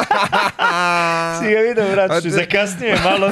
da, da se oslepi, Gde brat. sam pročitao da kao ovaj, kino je posle. Kino je posle, brat, nije teo da Pa se da, da, rukavice kao, pa ono nešto. Glupo. Da, malo, ajde, kažem, tra, traži se neki novi, ovaj, mislim, ma, teško je nadmašiti onaj spektakl koji smo mi gledali, iskreno. I Spad Weba, i Jordana, sad ako pričamo za kucanjem, Dominik Wilkinsa i, i te neke stvari, pa posle, ko se sve pojavljio iz karte, bro. čak Pazi, i ono... po, ja mislim od uh, Zek Lavina... Tamo sam teo da kažem, Gordon i Zek Levin više više nije, bilo, tako je. ovo sve gluposti. Tako je, tako je, eto. Ovaj, i, I ono, sve što su pokušali, oni kombinovani i ovi sastavi, kako zove, celebrity, da nije, nije donelo par po meni, meni to potpuno nezanimljivo, Ne, ne, da, negledljivo baš. Ja vidim, ubeđen sam da oni to naplaćuju njima tamo. 100%, da ga hoće reklamiraju se skine, kao da. Ko hoće da skine od ovih repera, klepe ga za, Yes. za ne. A čekaj, bio je podatak nešto, ovaj, broj faulova od ne znam kog All Stara i, i sada ne, neki podatak, ono, neverovatan. Ti bre, pre se istok i zapad krljali ko Krljali ko će, pobedi da, ono, na, na, na, na, na, na jednu loptu. Ovo sad... Da. Pa malo je, možda, možda je malo i ovaj problem pravljenja super timova i to neko brzo menjanje ekipa Zvezda urodilo plodom da, da se i taj rivalitet ranije ti bilo ono znalo se 10 godina tuku se jedni između drugih oko Boston i ovi čekaju pa onda najđe novo Chicago, Detroit i tako dalje. Sad to nekako znači obesmisle ovaj jednom sad šampionski tim sledeće godine od- uzmu dva igrača nema više, ovaj, tako da Denver mi je zato, zato jeste po meni različita organizacija, oni nekako grade, sačekali su ove godine, one godine da se vrate povređeni, ovaj, Jeste, što je stvarno za, što je za, stvarno za da, ozbiljnu mare, pohvalu. nisu tele ga forsiraju jednog i drugog, sad kad su zdravi, isto što kaže samo da ostanu zdravi, deluju stvarno kao kompaktni. Mada po meni im onaj Bruce Brown fali mnogo. Došao je nešto Reggie je bila Jackson, neka ali priča da, da, da, da postoji neka opcija da ga vrate. vrate. da, ne, tradeovali su ga, ne znam, Indiana ga potpisala pa ga tradeovala. Taj, A taj nisu deo mogli da plate, oni je otišli A, bio onaj preko salary cap. Oni su toga. tipa imali maksimalu, ako sam ja, bio je ovde Ogi Stojaković, pa Aha, priča. pa priča. A, da u tom momentu oni su nešto možda imali 8 miliona za njega, on je ošao na 40 A za nešto. Denver? Da, da, da. A da, da, ne, to mi je jasno, nego ga je Indiana potpisala pa ga tradeovala. Ma bre, da. to su sve ludaci. Da, to mi nije bilo jasno. Kratko, jasno, to su sve To ludaci. su sve ludaci. Ovo, E, a Dončić? Dončić, ja isto, to, je- to je u rangu, ne mogu da kažem rangu sa, sa Jokićem, fali mu taj deo neki, ali kako se on igra košarke, kako on izgleda naspram svih njih, koja je to lakoća, koja je to onako na, neka nacrtana karijera, znamo odavde, mislim, od 18. godine za poželeti, jer i tu smo svedoci, ja sam čak gledao je taj Final Four tu u Beogradu kad je, Da, da, da. kad je bio MVP, pa sve posle što dešavalo, znači stvarno čarovna, mislim da, ne, ne, ne pričamo o dečku koji je ajde, u uzlaznoj putanji, ali to što on radi, po meni poslednja potvrda je, je neki rezultat, ajde da kažemo, u, u, da dođe u rang MVP-a, verovatno američke kritike su za odbranu i pričanje sa sudijama, ovaj, a Da, naše... mislim, to pričam sa sudijama ove godine da se malo Na, smanjilo se bih dosta. Da se da. Da, da, baš se da, ono je baš bilo... Ovaj, I da, eto, da mu fali ta neka nadogradnja koliko ja vidim i on želi, voli da pobeđuje i navikuje. Čega na dogradnje? Ne, ne, ne, u smislu rezultata, kad bi mogao da se umeša u, u, u, u kandidate za osvajanje Pa ovaj, dobro, vidi, nečega. fali tu neka dobra Jest, centar centrušina, neki. nešto da može da iznese to. Jeste. Ali to što on radi, kako on radi, stvarno e, protiv svih, o, kažem, još se i usporio, a dominira toliko. Ne, nestvarno način koji on pronalazi, ovaj, način da da koš, da asistira, igra leđima, trojka. pazi, na, na njegovom licu ti nemaš grč neki da Nema vidiš da, da se on, on muči. uživa. znaš. Da, da, on baš Lagano. uživa. Izigra se malo, zavrti Izi- ih. Ali on je ogroman, ogroman. Mislim, ogroman za pleja, ogroman za Tako je, mene. da. za tebe nije. Ali ovaj e, da Dončića često gledamo to Mateja komentarišemo i je i baš je onako odučio sve sve američke bekove. Nekako jeste nominacija Evropljana, eto, da- ako računamo Janisa u Pa evo i ovaj mali sad, Džigljevi što je otišao u San Antonio. Da, Vembajama, već, da, da. Plastic Man, Vembajama, Mislim, da. Baš je, Ogroman je, krakat je, Da, ima malo- do, dobru ovu koordinaciju sa da, loptom, sa da. svim. Nisam očekivao, mislim da će da se onako povredi, slomi, onako deluje da je Pa ste vidio vežbe koje je on radio Ne. pre, pre sezone? Šta, je, šta su ono, znaš, za to, za sve? Ameri su za to care, brate. Što se toga tiče, Da. samo kapa dole. Kapa dole, da. Jokić isto. Kaže, dođu s njim tu rade. Isprate ga, da. Ovaj... De, A vidi, opet, s kim sam pričao? Ti, lupo, sad dajemo primjer Jokića. Ti kao firma ulažeš u njega 150, koliko? 40 miliona godišnje. tako je. I da ne možeš ti da... da, rizikuješ sad da se on zapusti Tako tokom je. sezone, ne prijeti, nego će platiti Tako čoveka s koliko tobom, treba, 10 da. soma, idi tamo i mlati Mla- gume, prevrći šta treba da dođe spreman ovde, a ne, Nek da dođe sa pivskim stomakom. Ali vidiš, to je, ajde da ne ureknemo, ali stvarno, stvarno od svih super zvezda najmanje povreda i propusta ima, nevjerojatno. Jokić. Pa dobro, sam njen, njegov trening i to sve što on... On je sad ovo leto ode, on iz teretane ne izlazi svako jutro. Da, skoro šta Da. sam gledao ovo, koga je izabrao, da, ovaj što priča puno, Golden State, ovaj Green, kao uzubi Jokiću, kako je E, da, ne da, može da ga povede. Izletelo mi juče, baš sam gledao, ovaj, on je ono stamen, onako, vjerojatno se odbijao od njega, iako kao ne može da skoči. Ali, ali stvarno fenomen Dončića i, i Jokića u, u, u naše ovo vreme, znaš, ranije ono smo pratili početci, ono, kad sam bio ja, ja kad sam bio klinac, Dražen Divac, Kukoč, koji su pravili neko, pa sporadično počeli dirke da se pojavljuju ovo sad je stvarno Evroplani, teško bi im bilo. Dominacija, Pa, totalna. dominacija. Da, pa nek se Ameri zapitaju. Nek se da, oni nek zapitaju. se zapitaju. Znaš šta će oni da urade? Dođe kupe ovde i Euro, Jeste, Ligo, ja sve, kilo, ajde, da. sirotinja, dođite Dođi ovamo, ovamo, pod da. jedan ovaj krov da vidite. Jest, pa, nažalost je tako. Jeste. Sa novcem ne možemo da se borimo, više imaju, tako da to je to. E, ovo me zanima, Amerika, kako ti se svidela? Pa svidelo mi se, ne, ne mogu reći, baš mi je dobro bilo. Bili smo kod prijatelja u Miami u lepo vreme, pobegli negde u januaru. E, neke stvari su mi drugačije, onako, mislim, sam, sama pojava širokih puteva, Široko, sema- široko, veliki automobili. automobili, veliki semafor ispred tamo, E, nije to mi je tebe. gotivno. To mi je Taj baš gotivno. semafor je Ne mora virim, brate. Ovde Da. stavi glavu ko žirafa, mora da se iskrivim da bi vidio Jest, kad mi je jest. zeleno, kad je crveno. To mi je baš dobar utisak, baš mi je ovaj... I ono stop znak svuda na sve četiri strane, svi stanu, mora staneš, mora staneš. Mislim, kod nas stop znači da moraš da staneš. ne Ali pomisle ljudi, da, da, da. A viš, ali, to, je, ali vidi, to stvarno tamo kad sam bio, su mi ono skrenuli pažnju. Na Ti stop mora staneš. Staješ. Staješ, Nema jest. nikog, staješ. Staješ, Jer on negde žmuri tamo Iskače, iza, da, i samo upali ono i stiže za tobom. Jeste, jeste. Ovaj, baš, baš onako neke, neki utiske. Nisam imao neki predrasuda, ne mogu da kažem, ali bili smo u lepom društvu i ovaj, imali smo ovaj, domaćina koji nas je sproveo, ajde kažem, Je kroz mogu da se navikneš tamo na, na život. Pa znaš da sam razmišljao kako bi legla jedna kafeterija ovde i kako bi to moglo, odmah sam bacio na lizu koliko su stanovi, koliko su rente. Ovaj. Mogo bi, lepo je vreme, lep je grad, ajde kažem, mislim, relativno mlad grad, nema veze s nekom istorijom, ali onako pozicija, klima, ako u nekom momentu moraš da biraš, slično Španiji, ovaj, taj deo tu Florida, Miami, kažem, čak i Bog da mi nešto rekao da je, eto, gledao je ovaj, eh, kući tu Orlando, Tampa Bay, ovaj, nahvario mu je ovaj Vučević, on, on je tu Da, da, igrao, je živeo odrastao, da. i, i u Orlandu smo proveli dva dana, i kažem to malo vremena, ali velika prednost je klima ovaj, tamo i koliko sam ja skapirao, Florida kao država nije toliko skupa sad. Miami ne mogu reći da nije Mislim, baš oni skupa. imaju manju taksu. Taksu, aha. Taksu, da, svakako. A Ovaj- šta sam teo bre, mm, Disney? Disney, bili smo u Parizu, sad smo ovaj, uh, Ne, skipovali, je, jeste, jeste, je Disney, jeste, da? Disney, nego nismo vodili decu, pa smo A, da, za skipovali, vas da, nije, da, da, za da, nas. da. Išli smo, gledamo krokodile, neki Everglades, uh, ovaj, nacionalni park, smo se vozili s onim s onim čamcima. Propelerima. Ali propeleri, da, da, aligatorčiće smo gledali. Ovaj, nismo, bili smo, bili smo u Parizu, mislim, ceo taj deo je fascinantan meni i ne znam, u Jami onaj, mislim, fascinantan. Treba ga videti, M, o, izboksovali smo direktnu liniju Beograd-Miami. da, To se otvara, treba bi do kraja godine da se otvara ima dosta linija. naših da. ljudi tamo, da. Tako da, ovaj, trebalo bi da se to zavrti. Top, ima dosta naših ljudi tamo, ovaj, uh, što sam ja upoznao, što ajde u gostiteljstvo, što transport, prevoz, što rade po, Real po estate. sliči- real estate, jest. Tako da, super, nisam znao to. Bravo. A Znači, da- može na kafeteriju u Miami. Planiraj. Planiraj, pravi biznis plan.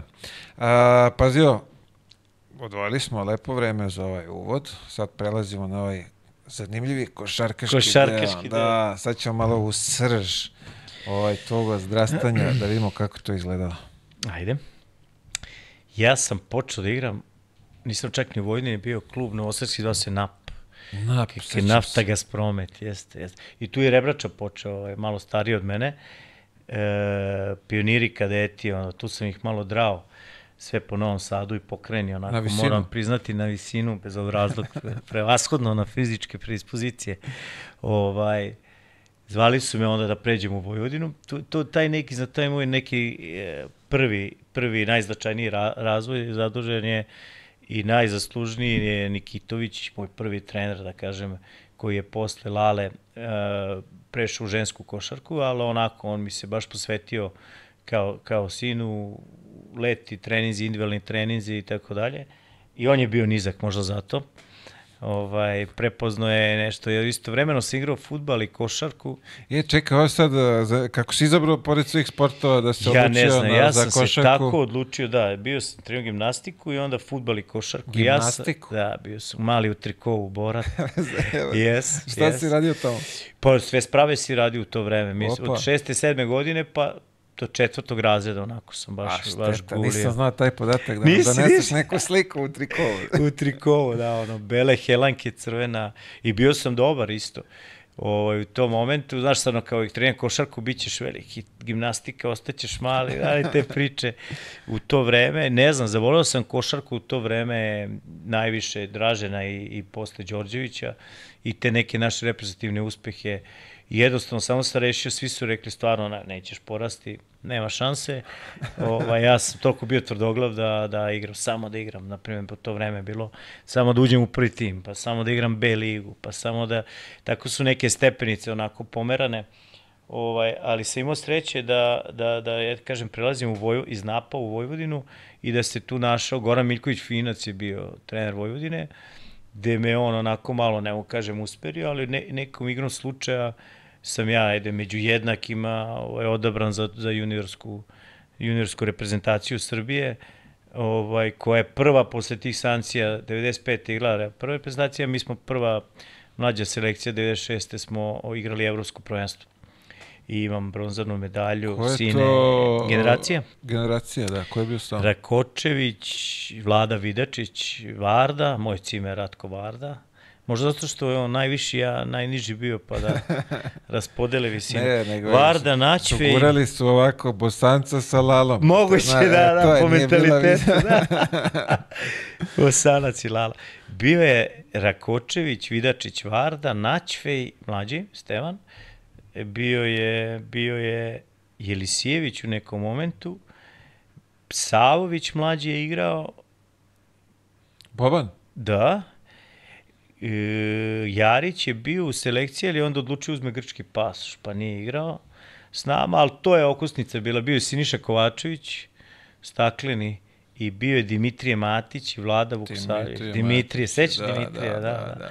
Dimitrije Matić. Onako, solidna, solidna reprezentacija. Hrvati bronca, su bili... a? Mi smo bili treći i izgubili smo, nažalost, polufinale od Hrvata. Vodili smo 14 razlike poluvreme. A Hrvati, ja mislim da su oni bili malo stariji. Igrao je Sesar, znaš kao sudije su krive. Sesar, uh, Vuječić, ovaj, posle ozbiljne karijere su napravili. Ovaj, nama je trener bio Mihajlo Pavićević, e, pomoćni Ivan Jeremić, onako. Ovaj, dosta, dosta, ajde kažem, zaslužni. U, ne, u nekom momentu je stvarno bilo bio Šubara u selekciji. Bilo je, znaš kako to bilo ono kontrolni treninzi, 40, 20, pripreme dva i po meseca. Kad smo išli, ja nisam očekivao ni da ću igrati, neću biti u sastavu, ne da ću igrati, to nekako se nije znalo.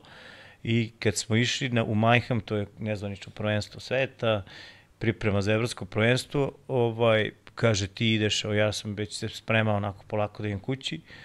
I tamo prva zvanična utakmica, to je prva pripremna zvanična, počinješ u petorci i eto, nisam posle izašao do kraja prvenstva. Neko, čak i sam bio povređen, polufinale sam Opa, igrao nešto. čekaj, finale. petorka. Petorka, čoveče, Ti? ja, Rakoč, Rakac, Siniša Kovačević, Če, Varda je uvek počinjao i Vlada Vidačić. Vlada Vidačić bio moćan, baš moćan. Kaka To je greota, talenat da. Bio sunce. Da, to je greota. Ovaj, I eto, Turci su imali dobru ekipu, bio je Hido Turkoglu, Besok, onaj Tunčeri, Omer Ona, nismo u četvrtfinalu izbacili, na primjer. Tako da, onako, za mene je to bilo, ceo taj pripremni period koji trajao jedno dva i po meseca, mi nismo kući dolazili, pa ovaj, Guča, pa bar, Šta pripreme. bre Guč? U Guči smo bili na pripremnom stilu. U Guči? U Guči. Majke. Imali smo nekog ludaka, Kad je bio sabor, pre ili posle sabora? Ja, brate, nismo videli belog dana. Mihajlo je doveo nekog, pa Mihajlo Pavićević, trener Mornara, posle trener Zvezde, nam je bio selektor, doveo nekog iz bara Kopljaša, da nam bude trener kondicioni. Meni je to trajalo, ja mislim da je to meseci po dana izgledalo, 40 minuta dužine, on trči s nama. Medicinke vijače, deonice čuvene, 200, 400, 600, ne, sprintevi, teretana. Meni to delo kao da je to bilo jedno meseci po dana, svaki dan jedno te isto, jedno te isto. I mi svi naš ono kao kukaša, on trči s nama i zadnji dan rešimo, rekao, sad ćemo, rekao mi bre, da je ovog bre, matorac ima da ga pre, pretrčimo, da stignemo. Ba kakvi, trčao je za nama, brate. Sve belo oko usta, ali trči. Taj period mi je bio, to smo se čak nešto svi dogovorili, da se ošćemo kao na ćelavo, kao idemo u rudnik. I onda smo otišli, imali smo zajednički pripreme sa reprezentacijom Francuski u Limožu. To je za nas bio događaj, nismo mrnuli dalje od Prvi put prvi van put zemlja. van, da, zemlja. Posle sankcija. Sankcije, da. I, I Francuska je imala dobru ekipu, onaj Mojso igrao posle NBA, oni su drugi bili, na primjer. I tu je, na primjer, Rakočić je na mene tu ostavio onako najfascinantniji ovaj, utisak u odnosu na, na sve nas ostale. On je tad, ovaj, mislim da ima porodičnu neku tragediju, nije trenirao, mi smo se ubijali, trenirali, on se pojavio na utakmici, bio je s nama sve vreme i nije trenirao, bolo ga tetiva, pojavio se posle meseci i po dana, dao je 30 poena, leteo je. Leteo je, znaš sad svi mi oni, kao nisam dugo šutno na koš, dizao sam tegove i te, te sve priče. I bio prvi strelac, prvi strelac prvenstva, tad se videlo da će biti ovaj, rasni košgeter i ne, neveratan mindset koji ono, znaš, misli kao kako možda igra nije trenirao, kako, ma kakvi. Stvari, Stvari je- je da budeš lagan, a ne La- da te on je baš bio na lagan. pripremama. Rakac je baš bio lagan. To vreme smo se dosta družili. Ja, Ovaj, reci mi ovo, pošto sad kad si nabrao svu tu generaciju, ovaj, a, mora da ima nekih anegdota sa tih priprema. ovaj. Brate, bilo je Vlado Videčića, niko nije smeo da probudi, on je bio kapiten, a, ovaj, a idemo svi zajedno na, idemo svi zajedno na doručak. I tu je on mene zgotivio u nekom momentu, da sam ja kao, rođen sam u Zrenjanu, ne kao, nego sam rođen u Zrenjanu igrom slučaja, a on je Zrenjaninac, klek tamo, znaš, Aha. i onda kod vlade zadimljeno, ne sme niko, a treba krenemo, znaš. A stvarno Mihajlo ga je vo- vole, voleo je sve nas, ajde da kažem. I, ovaj, I onda aj ti idi ga probudi, idi ga zovi, aj kapitena, kucaj, i tako dalje. To je jedno drugo, kad smo bili, u Majhemu smo bili, ovaj, Igor i ja odemo nešto u shopping i kao imamo metro, vraćamo se, bio je 5, 5R je broj bio metroa i mi ušli umesto na jednu stranu, otišli na drugu, zaspali, kasnimo, kreće autobus, Mihajlo poludeo, ajde da se ja bio sam, možda bi me i počera, ali je ovaj, bio rakac tu, gde ste, šta radite? Pa rekao mi, Peter, ovaj, kakav Peter, Meter, Dragan, baš me briga. Je rekao, dobro si sa mnom, čovječe, bilo bi doviđenje. Bio Bora Cenić, tad je bio ovaj, kako se to zove, Čika Bora, da. Ovaj, lepo, bilo baš davno, ovaj, ali lepe uspomene.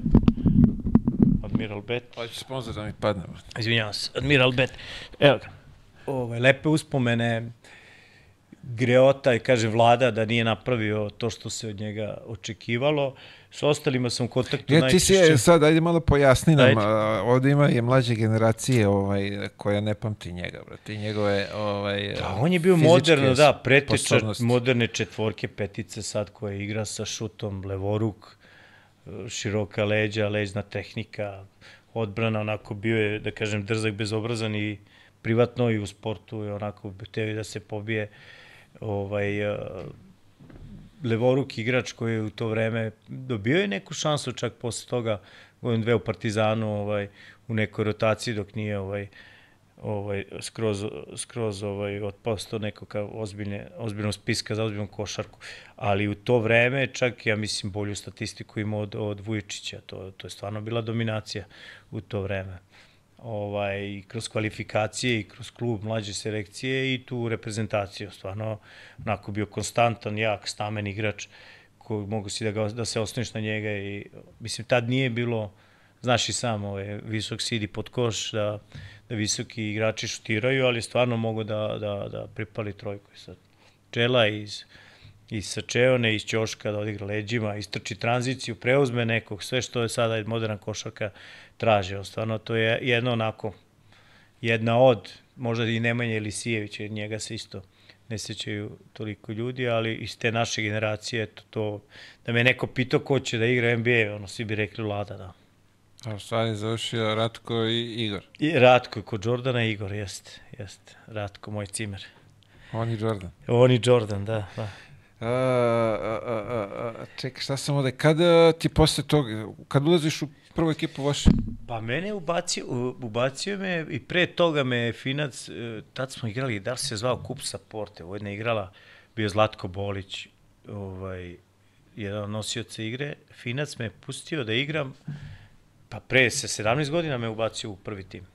Opa. Da, da. I tu imam neku utakmicu, na primjer u Nemačkoj, s Nemačkoj igrali smo, setit ću se kako se zvao tim.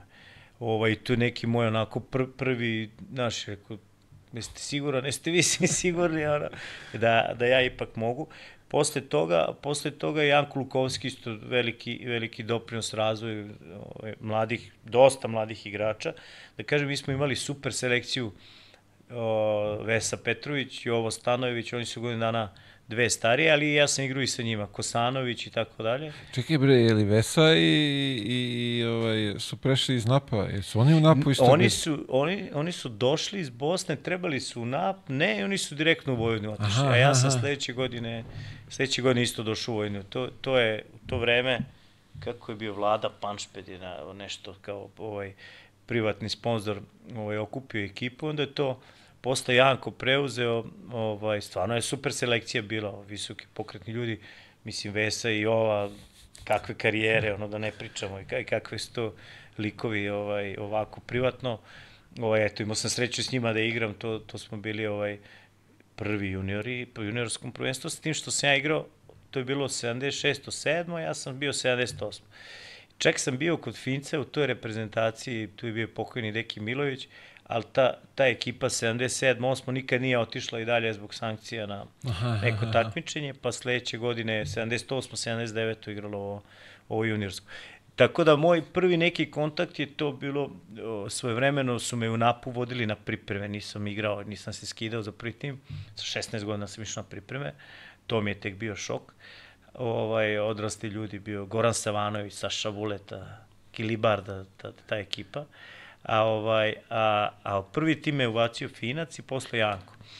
I to je bilo, ja mislim s Janko bilo onaj veliki KLS, ono, 32 ekipe, nešto, smo igrali baš, ono, od Toga se ne sećam, Ne je, to je, to je bilo mnogo Nisam baš toliko mator da. kao ti, da, da ali, se... ali sam relativno brzo ovaj, ušao pri tim i već sa 18-19 igrao. Kažem, imao smo sreće, to je bilo uspona i padova kao reprezentativac, pa ovaj, u Vojvodini ispadneš iz lige, pa onda ideš negde u Kragujevac, B ligu igraš, vraćaš se i tako dalje. U tim momentima nije mi nije baš ovaj, izgledala, izgledalo da ću igrati profesionalnu košarku, ali ja isplivao sam nekako.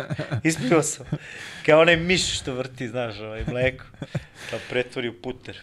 A, čekaj bre, ovo mi reci, ulazak u prvu ekipu, dolaziš tamo, klinac, Klinac, stara garda je tu, kako su garda. dočekali, je li tu E, bilo e, one Bilo, mislim, zajebancija? u to, vre, u to vreme si, mislim, kao klinac morao da slušaš, pošto još neko ti kaže odnesi, donesi torbu, ovaj, sup, e, nemaš ti tu šta puno da, da filozofiraš. Ovaj, u, to vreme, u to vreme su ovaj, prihvati, prihvatali, ja kažem, mi smo naš 4-5 istovremeno, pa nekako si mogao da skreneš fokus, da ne upadneš nekom, da te ne uzme malo na, na, na zub. Ovaj, ali je, ali Boško Đokić je svojevremeno ovaj, bio prvi trener vojne pre, pre Finca i on je voleo da, da dovodi, da, da igraju prijateljsku utakmicu juniori protiv prvog tima, sad kad smo bili manji juniori, onda kao za, za, zagrevamo se s njima i pravimo neke, neke stvari i onda kad god neko od nas mlađih nešto prilikom toga napravi nešto, on uhvati da ovaj provocira zeza zeza ove starije da, ti Boška znaš bolje bolje nego ja Da, da. i onda su tu nakon se igrači malo i navikli na nas da se da se pojavljujemo i odlazimo tako da ta neka tranzicija osim po pitanju igre nije bila nije bila ovaj strašna e, Janko je bio nekako fair prema svima u, u smislu kako treniraš, tako igraš. Sredom je organizovao neke prijateljske utakmice gde igraju uvek ovi što, mi što manje igramo, da kažem, u tom startu i u odnosu na to kako se kao dobro pokažeš, dobijaš neku priliku i to je onako za mlade igrače malo onako postavilo dosta neke standarde da, da kažem, radom, zalaganjem možda sačekaš svoju šansu. Ovaj. Tako da, da, da je taj deo sa Jankom, Dragan, Dragan Vesa, Dragan Lukovski, njegov sin je ovaj, tad bio tu te godine, Vesa Petrović i Ostanović. Onako on dosta mladih igrača u, u isto vreme pustio, pustio da igra. Onda dogodine kad su oni svi otišli je bilo više, više prostora za nas. Pa ti koje je to vreme, kad ti imaš vremena sredom da organizuješ prijateljsku Da, utakmicu. da, da. Samo Da, kad- da, to i dobro i loše. Znači, do, za mladog igrača je mnogo dobro da ima prostora da trenira, da odigra nešto, ovaj, nešto tako pripremno i onda da, da igra da prvenstvenu utakmicu. Ali ti dani, mislim, ti dani su ono, baš, baš lepi. S tim što kad izgubiš opet treba dočekati sledeći vikend, ovo Dugo se brzo traje. dešava, da, dugo traje, ali je, ovaj, ali je, ne znam, neko taj ritam, ovaj je baš onako gladijatorski ritam baš gladijatorski, puno utisaka, puno onako... Koliko smo imali derbija? Pet već, jel? Pa tri, Dva dva, pet, da. Ovaj, ali ajde, valjda oni znaju šta rade. Da je mnogo, mnogo je. Pre ono odigraš 80 utakmica za tri sezone, Jeste, sad nabio sad sve u jedno. Sve u jednu nabio. Baš su gladijatori. Mislim, i sa, sam sistem treniranja i igranja se promenio. Naravno, u naše vreme, ali prva petorka igra 32, 33, ono ne izlaziš, sad nema šanse da bi Tako je, izneo s tom da. kraćom rotacijom i sezonu i toliki broj utakmica, toliko kvalitetnih utakmica da, da moraš da odigraš, no, da, kao ne moram sad da zapinjam. Dobro, a sad Moraš. i možda treniraš jednom dnevno. Jeste, I ako jednom dnevno, stigneš da odigraš sata, nešto jeste. 5 na 5, kao wow. Jeste, jeste. Ne postizava drugačije. se. Ne Ne postizava se. postizava se. A, reci mi ovo, ti gde posle Voš ideš? Posle Voše idem u zastavu Kragujevac, prvo B liga, tu sam ostao dve godine. Onako sam, prvi, prvi odlazak od kuće malo bio šokiran. Ovaj, u tom momentu sam, sećam se, dobio sam vajca desija maraka, na primjer, na ruke. U to vreme su to bile kao ozbiljne pare. I ja se vraćam kući i kažem, majko, daj da vrati moje pare, ne mogu ja ovamo da idem. Ti polude. ovaj, tako, taj prvi odlazak od kuće onako mi je bio, teo sam čak da idem u Ameriku, da, da, na, na, na koleđ, tu sam se lomio da li gurati profesionalnu karijeru ili ne. I ajde kažem, ostao sam dve godine u Kragujevcu, lepe uspomene, rezultat onako, sredina tabele. Ovaj, a, ne moje neko prvo iskustvo 19-20 godina 10.000 maraka. 10.000 ruke i kao premija, plata. Ovaj, on se vraća u vojnu. Je, sad samo izvinim, možda što prekidam. Uh, kažeš, i razmišljao si koleđ i profi. Jest, sad, jest. zanima me taj deo, pošto ovde volim da malo do, dotaknemo se i edukacije i toga i klince malo da usmerimo. Kako si odlučio Jeste, da je bolje... ja. Pa ja nisam imao neki izbor, aj kaže neka radnička porodica, tužna priča, pa je tih, nažalost, 10.000 maraka u tom momentu nešto kao menjalo, što sad nikako ne bi svom detetu dozvolio da to bude nešto kao prekretnica. Zaista mislim da, da kažem, koliko dobrih stvari profesionalni sport donese, toliko i, kažem, ovaj, loših, loših za, za, za neke e, košarkaša i sportiste koji možda nisu za vrhunski nivo, uvek, uvek bi preporučio savjeto, pomogao da, da odu na koleđ, jer samim tim podržavaju svoju profesionalnu karijeru, ali tako vraćaju se s nekom diplomom, nekim znanjem. Vrlo dobro znamo kako je kod njih to uklopljeno jedno s drugim, jednostavno ne možeš da igraš ako ne studiraš i obrnuto. I nekako moj celokupan utisak da tamo stvarno ne može da se snađe samo neko neće. Ovaj, tako da to je možda jedna od grešaka, i sad da kažem, koju sam u tom momentu nisam znao sam da prepoznam prelomim, ja sam zaista hteo, čak sam položio neke ove testove, SAT, TOEFL, šta se već tamo tražilo, ali to vreme, mislim, sad je, ne možeš da budeš profesionalni igrač i da posle toga ideš i nekako, eto, ne znam šta je to bilo, ali bilo je, ne, gde je sin, da ostaje, znaš, je sijeda, onako, više, mislim da je majka ta ovaj, dužina, daljina u stvari odlaska, ali svima bi savjetovao, znači ako sada znam, onda da znam što, što sad znam, ovaj, uvek bi savjetovao koleđ, mislim, prepoznaje se već u tim godinama ko će... Tako je, da, mislim, ako nisi, što je kažem Tako ovde, je. ako nisi neki, ono, Dončić novi ili lupam, Jest. šta god, da će... A da, to da, se vidi. Tako je, u u tom uzrastu se već vidi gde si, da li si gore ili dole si. Jeste, Uzmi roditelji, koleđ, završi jest, školu. Roditelji moraju da odigraju veliku ulogu tu. Ovaj, u to, Mnogo je bitan ta, to okruženje oko njih koji će dati taj sprelomni savet. Jeste, da, da, da. jeste. Jeste, ba, mislim, nemo da kažem, no, ispalo je dobro po mene i ne mogu da se žalim na, na svoju karijeru. Bio sam na lepim mestima, velikim košarkaškim silama, što smo komentarisali i do toga. Ali ovaj, e, to je možda, je da kažem, neka, neka stvar koja, eto, u to vreme sam želeo i sad svima bi savjetovao ko nije za neki nebitno o, o, niži, srednji nivo, kako god ga merio uspeha ugovora, da pre izabere koleđ, to ga čeka svakako ako bude te Tako četiri godine kasnije. Tako je, ti za četiri godine vraćaš se ponovo košarci. Mislim, ne, ne, ne, ne, uh, Ne praviš pauzu, ne, ne prekidaš, ti dalje igraš sve, igraš. samo ćeš za četiri godine, koliko već, pet, yes, doći, doći sa diplomom i imaš nešto, si, sigurno nešto u džepu. Apsolutno se slažem. Aj, mislim, ti ja smo svedoci koliko ljudi posle karijere i uspešnih karijera ne uspeju da se snađu ili da pronađu sebe, čime da, da. bi se bavili, a ne... Tako da slažem se s tobom. A, recimo, imaš si ti neku epizodicu i, i u Nišu, ali tako? Jeste, bio sam u Nišu dve godine, to su možda dve najbolje godine u tom mom nekom, da kažem, ranom, u, u svojoj prvoj karijeri košarkaškoj, ovaj, e, igru slučaja sam tamo otišao posle Vojvodine, e, to, to je bilo neko ludilo, bio sam na probi, na primjer, u Čelik Zenica, to, to vreme igrati u Zenici to je, rekao, čoveče, šta ti radiš? Kako si došao tamo, bre? Neki, ne znam kome je zvao, kome je vodio. Znači, Čekaj, ti posle rata u onom periodu Zavisi neko me je vodio i teli su ljudi da me uzmu i ja kao razmišljam, rekao, te ćeš ti druže, Čelik Zenica i ovaj, odem u Niš, tad je krenuo da se razvija ergonom u to vreme, da kažem, ovaj, duvanska industrija stala, sva sreća, mislim, znaš da sam otišao u Zenicu. Bilo bi... Ovaj, ko zna, može bi došao da NBA, brate. Da, da.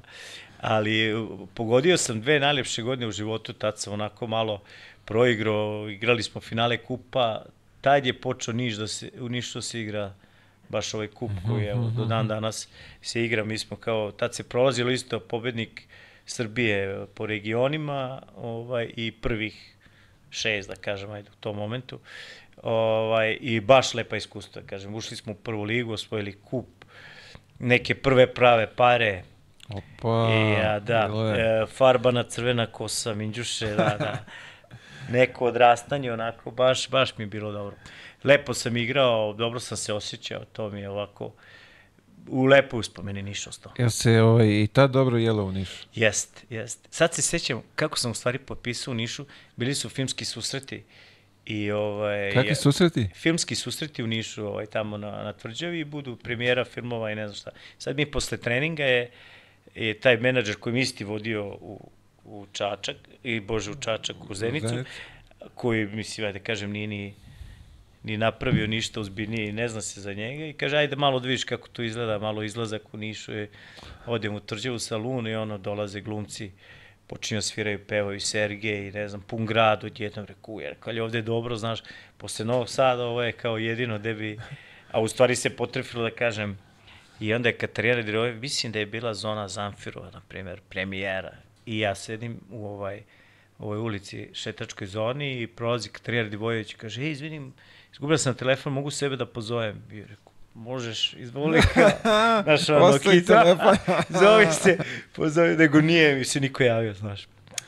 Već je nastao. Da, da. E, I tako nekad mali. dobro, kao rekao, ovde je baš dobro, eto, to je moja odluka bila. Ali Si bili pisao, brate, si pisao posle na Pa priznaj. da, nedostupno, priznaj. nedostupno, bila nedostupno. U nadi da će uzme isti broj ponovo. Jao, da. Baš lep, le, lepe dve godine, onako. A, nisam, nisam očekivao, do, dobro se klopalo, dobro se klopalo. Ovaj, boga mi se znalo i da se popije, ovaj, kao Pa sad dobro, ovo, ide, ali pa to da. je subota, na primjer. Ne ide jedno bez drugog. Imao sam sreće, Srećko Sekulić, druga moja godina, druge godine Srećko Sekulić bio trener i ovaj, ja ostajem sad da, da igram tu, cilj da uđemo i tako dalje. Kaže on meni, čuo sam ja sve znam šta ti, kako se zove, samo nemoj da me lažeš, kaže, reci mi ovaj, da, da si bio negde i ja rekao sad, da li me folira stvarno? Ja rekao, aj nemam šta da izgubim ja, Srećko, teretana, ajde, ajde, masaža, ajde, kao, mogu sad ponedjeljak, sreda, sad ja negde kao ostanem, on čuo, mislim, dobro sam igrao i stvarno, mislim, nisam imao problema. Sad ne znam ovo pohvalno ili nije, ali nisam imao problema, ni on, lepo smo završili godine, ušli u ligu. Ja sam mislio, rekao, sad će mi nauči na tanak led, znaš, ali ovo je bilo dobro. Onako, dru, drugi odnosi. To je to. Ne, opet, ako neki iskren odnos i ako funkcioniše, nema Ne direkt, da. kape. Ne Da, da je bilo loše, verovatno bi bilo. Verovatno ćao, bi bilo šta radiš, se, prijatelju, da, i da. kreni kući samo. E, reci mi, ovaj, e, se klope tiče, je li mrak i tad bio Roštilj, mrak? mrak je bio od uvek mrak, da, mrak je, ne, ne, mislim, nestvarno nešto ko nije probao. Izgleda isto, ali nije isto, znaš. Isto je kao i drugi roštilj, ali nije isto, stvarno neobjašnjivo. Neverovatno. Neobjašnjivo. Nevjerojatno. Ja sad sam teo da idem gledam ovaj, finale kupa i prvo sam zvao mrak, kaže on sve rezervis. E, rekao, ne ide. Da, da, da, tad, je, tad se ne ide ne ide, da. da. da. Ali nekom drugom prilikom preporuka od nas, ako idete u Niš, na ulazu, je li tako? Na ulazu, da, Sa leve strane. je tu, tako, Tako da. je, da. Kafana, mrak. Mrak. Nećete se pokajati. Svojevremeno i stara Srbija bila dobro, eto i njih da pohvalimo, ne znam jer postoje, ali tamo smo klopali dobro. E pa bio je, Otaš je bio sa mnom u Ergonoma, bili smo zajedno igrali. Zajebaš. Jeste, Otaš je A, bio tad mlađani. čekaj. Mlađani, ne, ne, Otaš je bio backup tada, mislim, nemoj Tebi? tako bre, pa nemoj. Svašta, Otaš je može napravio proći lepu neka karijeru. emisija neko otaša da ne spomene, bla. Ne, ne, ja sam, mislim, Otaš, e, stariji sam u, u tom momentu, je Otaš dalo iz Beopetrola, ja mislim, dolazi. Ovaj, ali uglavnom, imali smo, bre, stvarno jako i dobru ekipu u tom momentu, B ligu. dobili Ajmo, smo. daj sad izvuci neku anegdotu za otaš. Otaš, brat, voli kad se napijemo, voli da šutiramo, voli nosi o, futbalske dresove, to ste provali, to vreme je tek bilo popularno. I mene je bio napalio, smo kupovali one Meksiko kameru, svašta nešto. I voli to kad malo se vraćamo iz grada ovaj, da, da šutiramo penale. Ajde sad, ajde penale, ajde u parku, u sred lopte, u sred ovaj, mraka i noći. Ovaj, Otaš, ba, mislim, znaš ga, upozno si ga, ono, duša, duša čovjek, emocije. Emocije. Emocija, čista, srce. U, kako mu je pao sad teško poraz u kupu. Da, da. A, a pusti mi uredno. pre, pre tekve, znaš, stiže poruka, ovaj, samo da znaš da ćemo mi da pobedimo večeras, da ne bude da ti nisam Samo da rekao. znaš? Da. Ovaj, ne, da ćemo da dobijemo, znaš. I ja mu tu odgovorim što sam odgovorio. I završilo se sve. ja uredno pustim mu poruku. Hvala vam. Hvala vam što ste predvideli džinksovali. Ne mogu da verujem šta ovi rade. Ovi nisu normalni. A, ovo je neverovatno. Mentalac, rekao. mentalac. Ko ja ti samo ovaj... Dobro, dobro, rekao, slobodno čestitaj. Čestitam vam kao na Feriku na igri. A, rekao, brate. Jeste, Ali, ta švatrica. Teško, teško ovaj... Podneo, da. Dobro, ja nije onako, trudim se malo da, mislim, navijam za Partizan, stvarno volim Partizan, ali navijam da, da navijam, ovaj, želim da budem realan ovaj, prilikom priče i sa vama s druge strane i sa drugima, da realno, realno ste bili bolji trenutno. Ovaj kup, padu smo forme, sudije nisu krive, tako je kako je, mislim. Nadam se da će biti bolje. Ono. To, to, bit će bolje sigurno, da. Na, gore ne Samo je može. pitanje, ovaj, može i gore, brate. Bilo je gorih perioda. Bilo je jeste. ne treba zaboraviti. Uh, vidio, imam sad ovde jedno izuzetno pitanje za tebe. Ajde. Prvi odlazak u inostranstvo. Prvi odlazak, da. Otišao sam, otišao sam godinu dana pre nego što ću otići u Portugal, na, na Azorska ostrava, tako to je moj prvi klub bio. Bio sam na nekom turniru na plaži, to me isto neki menadžer zvao, kao igra se 4 na 4, mene je delovalo kao dobra ideja, ovaj, to je u letnjem periodu, da odem Gde? na, u Portugal, na plažu, stavili su teren kao streetball, ali Ček, ček, izvini, ti si, menadžer te zvao kao Da košarkaša da ideš u Portugal da igraš Ali basket 4 na 4 nije na basket. pesku. nije basket, nego košarka. Košarka, Da, 4 na 4. da. Ja mislim da je čak Simonović bio sam. Koji Simonović? Marko. Ja, mi- da, da, bio je Kalič, ali to ne, on- oni su to nazvali reprezentacija Srbije u tom momentu, menadžer sastavlja listu od nekih igrača i kao ne igra se 5 na 5, nego se igra 4 na 4, ali košarkaški teren kao na plaži je napravio. I tu me je video trener, reprezentacija Angole, koji je... Podloga, molim te, samo pod- Parket, ne, ne, parket, aha, oni aha, su mu do- doneli tribine, montirali ovaj... Okej. Ali pazi, u odbranu menadžera i nas bila je kao reprezentacija Španije, to jest ekipa Španije, bila je, iz više zemalja su bili igrači, sve sa dresovima iz tih zemalja. A vi? Kao neki tur, mi isto imali isto dresove Srbije, napravljeno sve, igrali smo, igrali smo pod Srbijom u tom momentu.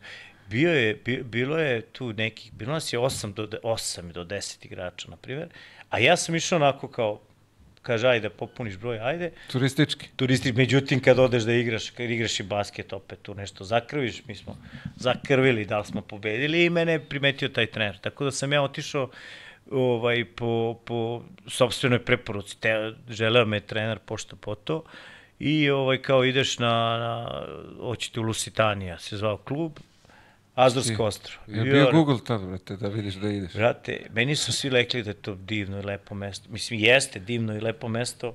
Na dve nedelje da odeš. Zove se Angra do heroizmu ili ti ovaj, bez heroja ga ja prevodim.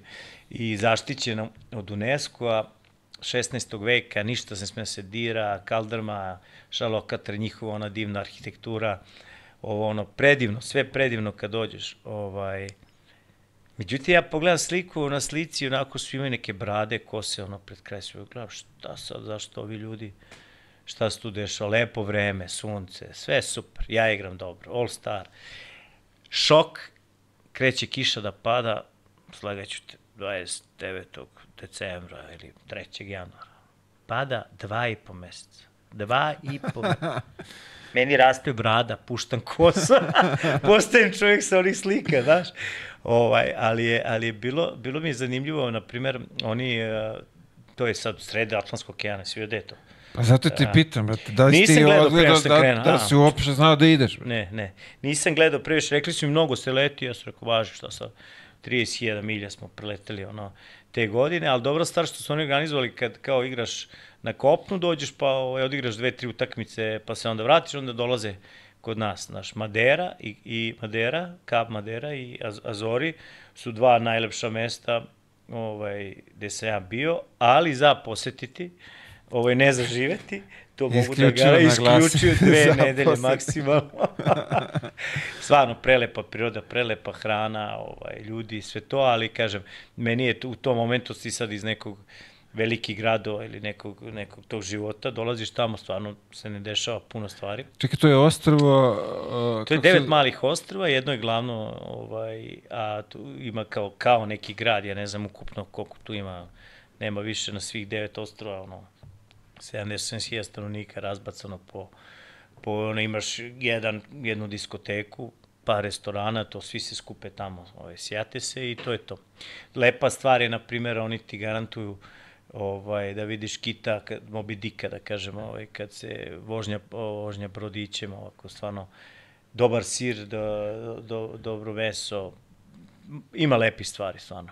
Riba, pretpostavljam, normalno. E, bakalar, bakaljao, da, je njihovo, njihovo tradicionalno jelo, koji ga prave na više načina, onako i kao neku musaku i kao neku čorbu i u Rerni, nego ono što sam ja zadnje čuo da su ga izjeli potpuno, da ga, u, da ga uvoze sad, tamo iz Island, na primjer, nešto yes. tako da.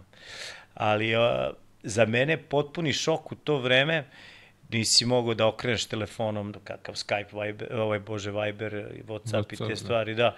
Bilo je Skype, pa ideš ti tamo, uloguješ se u neki studentski centar, pa koga nađeš tu malo popričaš i to je to. Ovaj, ali ne, ne mogu da kažem da mi bilo loše. Koje to godina? To je 2003. na primjer. 2002. na 2003. 24-25 godina ja imam. 25 godina u tom momentu, da. Čekaj, sad me zanima tranzicija tvoja. Ti odlaziš odavde, govorno, sve ja odlazim, tvoje područje, odlaziš tamo gde kapiram portugalski nisi znao. Portugalski nisam znao, sreća je bio je sa mnom, bio je sa mnom Vladimir Vujičić iz Novog Sada isto, ovaj, igrač i posle je bio Peđa Joksimović, na primer. Ovaj, ja nalazim ništa, odmah tražim devojku tamo, šta radim, vrat. I za malo se nisam ženio sa crnkinjom, i živao sam s nekom devojkom iz Cabo Verde, a moralo se prikratiti ove vreme, da kažem. Mogu se napraviš nekog Ronalda? Mogu se neko crnče, da, malo da nešto tu kao neki... Figo. Nazi, figo, da, da. Ovaj, e, ne, baš to, uselio sam je odmah posle mesec, dva dana. I, po kući, moralo se skrati vremena. Nije puno bilo, nije puno bilo šta zaraditi. Bila je jedna kuglana, kuglana je bila. Si naučio da kuglaš? Naučio sam da kuglam ovaj, i to je to, kući. Nema šta, malo, ta jedna diskoteka kad se ima vremena. Ja rekao, sad ćeš pričati, to je kao Brazil u Evropi, ono izmunja. To ti je kao Brazil u Evropi. Je, ali jeste kopno, druga godina mi je baš bila dobra. Kopno je... Sede, piju pivo po Pije, ceo dan. I igraju futbol. I igraju futbol. Jeste, druga godina mi je bila mnogo lepša. To kad smo igrali finale, kad sam bio u džinaziju. Figuera da Fož. E, taj deo da sam ja bio, na primer, jako su blizu, ovaj, jako su blizu, blizu su i Porto i Lisabon i Ovar, veći gradovi, Vigo je blizu, ovaj, tako dalje. Tako da tu je onako društveni život uopšte Čekaj, bio... Čekaj, Vigo je Španija, Španija, tako? Španija gore, da, Celta, na severu, jest, jest. Kako beše bre onaj naš što igra u... La Coruña, a š, ko je igrao u Vigo? Igrao bre... neki, a? Đorović, a tako? Đu... Đukić. Ne, ne, Đukić je bio u Valenciji. U Valenciji bio. Ne, ne, kako se zvala bre, Vlada, pomozi. Ko je igrao? Bre? Igrao je bre naš tip, da? U, da, za Jugoslaviju igrao futbal, za reprezentaciju bio, bio je u, u Celti, on je tamo legenda, ja mislim da danas živi tamo. Bre. Da, ja... ja Dragan Đo... Đorović? Kako, jebate. Ne znam, brate. Evo sad ćemo, Vlada, šta kaže Google, brate?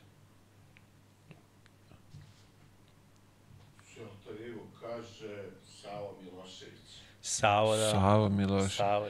Zar nije bre bio ovaj naš jedan još, kako se on zvao, ne mogu se znam kako facu sad ovako imam, ali... Ovaj, e, Celta, Vigo, vamo, ja... Bajčetić, recimo. Bajčetić, nije. Đorović. Đorović, Đorović, jeste, na njega si mislio. Na njega sam mislio i on je tamo bre legenda. Jeste, jeste. Ovaj, pratio se malo i futbal, ne mogu da kažem, ali ali ovaj... Kako je živjeti u Portugalu? Mislim, no ovamo, ok, ostrovo je malo da, to ostro, sve čudno. Ostrovo, prvo što je prvo, prvi moj odlazak i, i onako si, ost, ostrovski ljudi generalno su malo čudni i otuđeni onako. I samo ta nemanje slobode da ti sad negde možda odeš ovako, to, to okružujete more, ali druga godina je meni bila možda, eto, posle Niša, ja kažem, tu godinu pamti onako, em što smo rezultatski onako imali e, lepe rezultate, em što, što mi je stvarno bilo, bilo lepo uživanje igrati, dobro organizovan klub, ono, standardno za na, naše te pojmove, e, kaže, moje, moje pojmove u tom momentu gde sam ja igrao, ovaj, spremačica čekate, dobar stan, auto, čekate oprema, peruti, puštaš tu sve, nemam pojma, isto jedna nedeljna utakmica, sredu, ceo dan nam da slobodno trener, kaže idite malo, proštajte, jedite dobro, nemam pojma, samo to neko poimanje, nama je Brazilac baš i bio trener, možda je malo to i preneo, vidite malo. Ta godina mi je bila stvarno fascinantna. I pravo ti kažem, te godine je Olja Vukićević, sećaš se Ognjena Vukićevića iz Mitrovice, iz Radničkog? On je bio tamo, bio je Rafa Đofreza, igrao za Benfiku, što je bio u Juventudu one godine. Bilo je nekih igrača onako da, da možda povežeš, da kažem, neku košarku koja je bilo dobrih stranaca, nekih koleđ, koleđ košarke. I te godine sam ja onako prvi put uživao cele godine igrajući i sa, i sa tim, tim saigračima svojim. Ja sam bio jedini, da kažem, u to vreme se zvalo Bosman B. Bilo je ono kao dva, tri Amerikanca, da, da, dva da, Bosman da, da. B igrača domaćih. Ovaj, igrali smo finale, nešto smo ušli. To nešto sad gledam kao partizan. Bili smo sedmi, znaš, sedmi u ligi, pa smo izbacili drugoplasiranog. Ovaj, gubili smo 2-0 protiv Benfike, pa smo i dobili 3-2, pa smo Porto, na primjer, gubili 2-0, pa smo i dobili 3-2. I onda smo protiv Ovara gubili 2-0, ja rekao sad osvajamo, međutim 3-0 je bila, tu je bio kraj. Ali baš jedna lepa godina, da kažem, ovako i uspešna rezultatski. I taj deo gde se ja živeo, Ginazio se zove klub Figuera da Foge, centralni deo Portugala. Kako si uhvatio taj akcent? Figuera da Foge, Fodes Karalja. Pa bio sam ovako zainteresovan da, da malo i naučim. Si savladao portugalski? Pa one osnove jes, ali to malo se izgubilo kako sam, kako sam ovaj, od, odlazio odande. Najšira, najduža plaža, ovaj, taj potez neki od centralnog onako i preliva se planine se jako brzo spuštaju u, u neku ravnicu sa, sa peskom koji onako imaš kilometar do okeana, jedno što je okean malo hladan, to je ono raj za ove kitesurfere i, i ostale stvari, ali sam taj neki period mi ostao, ja sam ostao još jednog godinu dana, bože, mesec dana posle sezone, i dole na jugu kod eh, menadžera tadašnjeg portugalskog u kući Albufeira se zove grad dole na jugu, ovaj blizu je Sevilja, Sevilja je blizu, da. Ovaj ima Faro, Albarve, Algarve, Albufeira, onako turistička mestašca. Ovaj baš sam opišao u tom momentu ovaj Portugal od glave do pete gore, Braga, sever Porto, Ovar, centralni deo Lisabon, fenomenalan Znači, ovaj, za, za... Preporuka, meni onako, je, kažem, subjektivno, nisam bio dugo, morao bi da, da obnovim, ali ovaj, ostalo mi onako baš u lepom sećanju taj period, da kažem, živeo sam u Portugalu, nisam samo posetio i taj dru, drugi, druga godina mog života mnogo bolja je. Sad, da li sam bio pripremljeniji ili je okruženje na samom ostrovu bilo takvo, ali... Ovaj, Čekaj, drugu godinu nisi uselio nikog u... Kući. Nisam uselio, u stvari jesam, doveo sam, ovaj, doveo sam našu, poveo sam ovaj, svoju prvu ženu, jedinu bivšu, ovaj, kako se zove, bila, studirala tamo. Coimbra je drugi najstariji univerzitet u Evropi i tu je negde 20-30 km od, ovaj, od Figere da Foš de se živeo, tako da sam nju poveo sa sobom ovaj, tu godinu. Da, lakše da, život. Jest, jest. Zato Znaš kako to ide. Lepo, pa, da. kako si rekao Znaš da kako to, to ide, da, da, da. Ovaj... Znači, za, da, da bi obnovili gradivo, možeš da me povedeš? Može. Da, da napravimo žir. Ja mislim da ima čak direktna linija. Ima tako? direktna linija, nije ni preskupo, mogli bi da, da odemo... Ovaj... Eto, upiši tamo, u teteriši. Može, može, vodim da se mile. Hrana, fado, vino, stari Fado grad. Fado je njihova muzika, ali tako? Fado je njihova muzika, gde su oni, ovaj, da kažem, glavni opis tih, tih pesama je da, da žene pate za muškarcima mornarima, obično su tužne, mislim, čuje se da ovaj, čekaju da se oni vrate i tako dalje, jer su Portugalci svoje vremeno bili ovaj, moreplovci kao i Španci, putovali dugo, osvajali i tako dalje, tako da Fado je zasnovan na tome najviše. Zanimljivo, evo, Jest. čas istorije. Šta se ovde radi? Edukujemo ljude, pričamo priče, istoriju, a jedu, pa gde ovo ima? O, ovaj, posle toga, što je zanimljivo, ideš u, na sever, a? Pa ja sam, da, stalno kao nešto na moru, ovaj, ali ovo je Baltičko more, malo, malo je hladno. a dobro, rekao si, ovamo okean kad zapljusne nije baš... Nije baš, ali uvek može gore, upravo se, da. Otišao sam u Košalin e, e, igrom slučaja je trener tadašnji gledao nekog protivničkog igrača, na primer, tad se slale kasete, pa video mene, pa me našao. Ovaj. E, onako, ne mogu da kažem da je loše iskustvo, ovaj, mnogo je, vidim da je i sad liga ogromna i da da vrlo brzo menjaju, menjaju strance, trenere, deš, dešavaju se velike promene, ali u to vreme je, na primjer, mislim da je Varda čovjek bio u Prokomu. Prokom Prokom bio bio kad je grmeo, ono, Euroliga i to. Trefl Sopot, ozbiljan klub bio, Čičo Radović je bio. Tu su se smenjivali na godinu, jedan i drugi.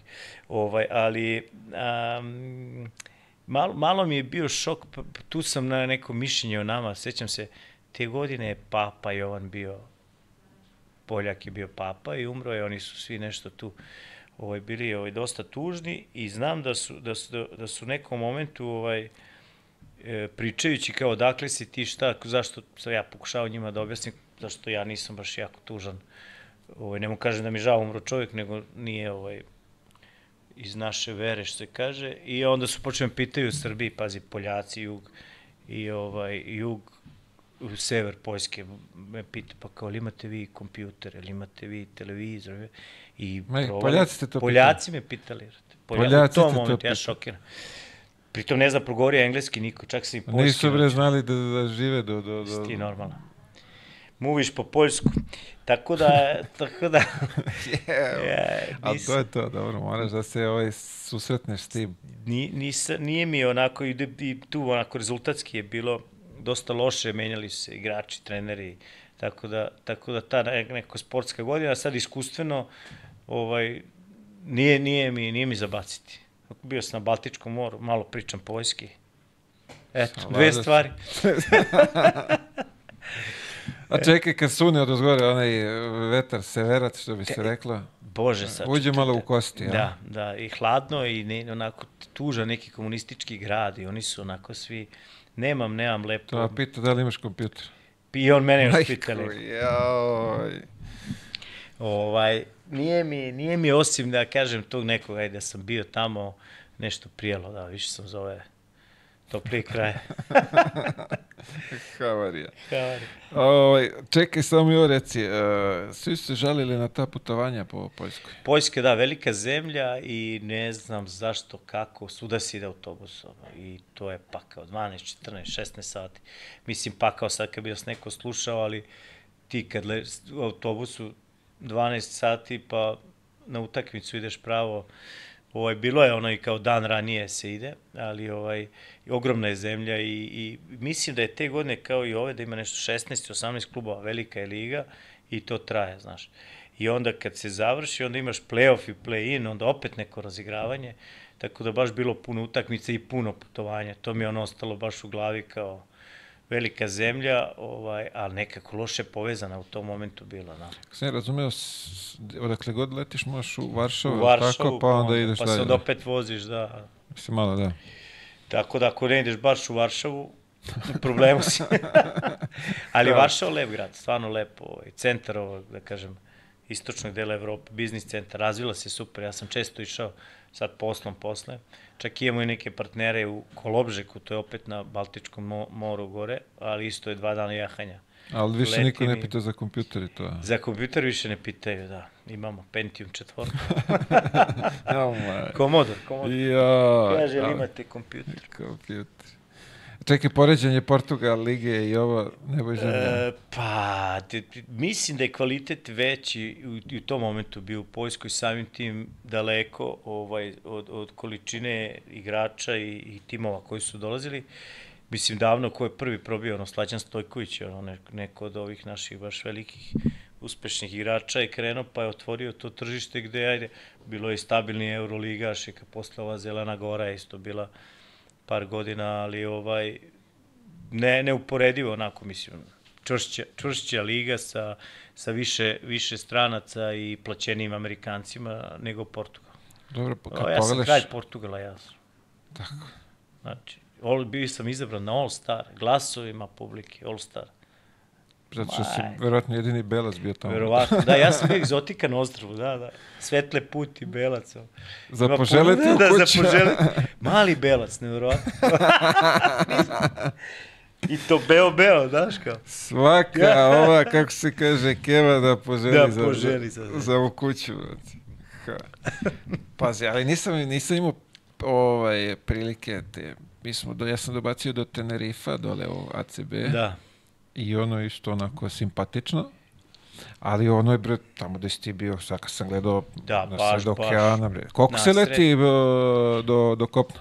Pa ima tri sata je Lisabon, znači mislim tamo je dva dana jahanja kad sam dolazio, ono, Frankfurt, Frankfurt, Lisabon, Lisabon, do tri tamo sata, tri tri sata. sata da. Ti odavde I za to tri sata stigneš u, u Moskvu. Jeste, dva i po sata. Pritom, sletanje, pošto je ostrvo, svaki put je onako malo turbulentno i, i ovaj, neizvesno, međutim, ono, u, na početku sezone, ono, čak imam i, i ovaj, neke slike, snimke, sam se nešto, kao, po ja, hoćemo sletiti, ono, ono, završava se sezona, ono, svi spavaju, već navikli, padaju koferi od gore, ne, ne, sve u redu. Ovaj, Se desilo da vas vrate nekad na kopno? Jeste, jeste, jednom se desilo, jednom se desilo.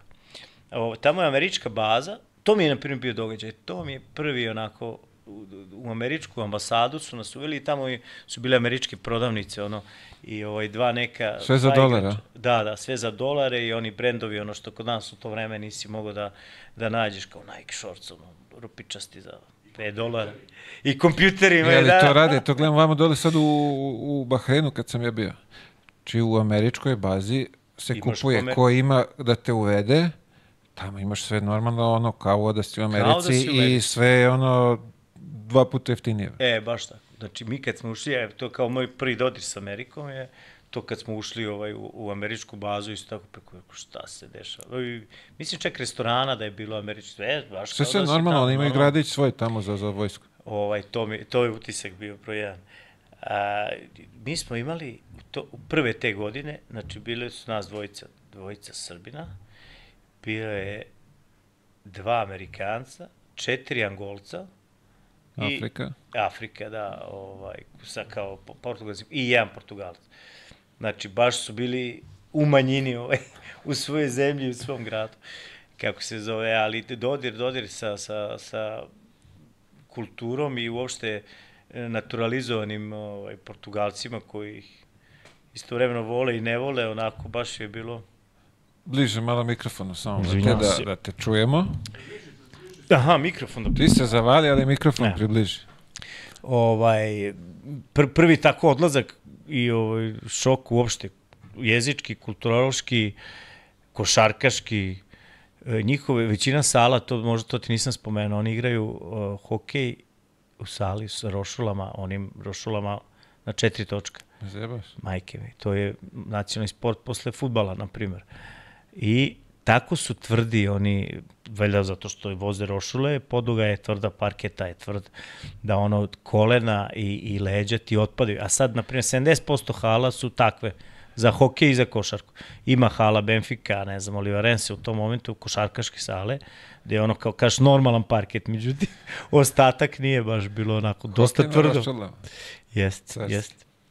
I to rošule, one četiri, znaš, nisu četiri točka i, i čarape do Šta sve kolena. nećemo saznati ovde? Hokej, hokej. Mislim, ovaj, kakvi sve sportova ima, to je ono Jest. koji, za koji mi pojma nema da postoji. Jest, ali nemoj padel da mi diraš. Spominjali su ga u ovoj, u ovoj kako zove, tvojoj emisiji, ti ga igraš, ja ga Tako igram. je, da. Taj sport stvarno možda je, tako da kažem sad, hajpovan i to, ali ga, ali ga branimo, stojimo iza njega, ovaj, pošto i nas zanima.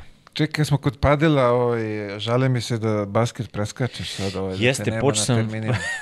Počeo sam da izbegavam baskete ove zadnje, zadnje godine od kad se pojavio ovaj naš padel. Ovaj, obećavam da neće biti tako.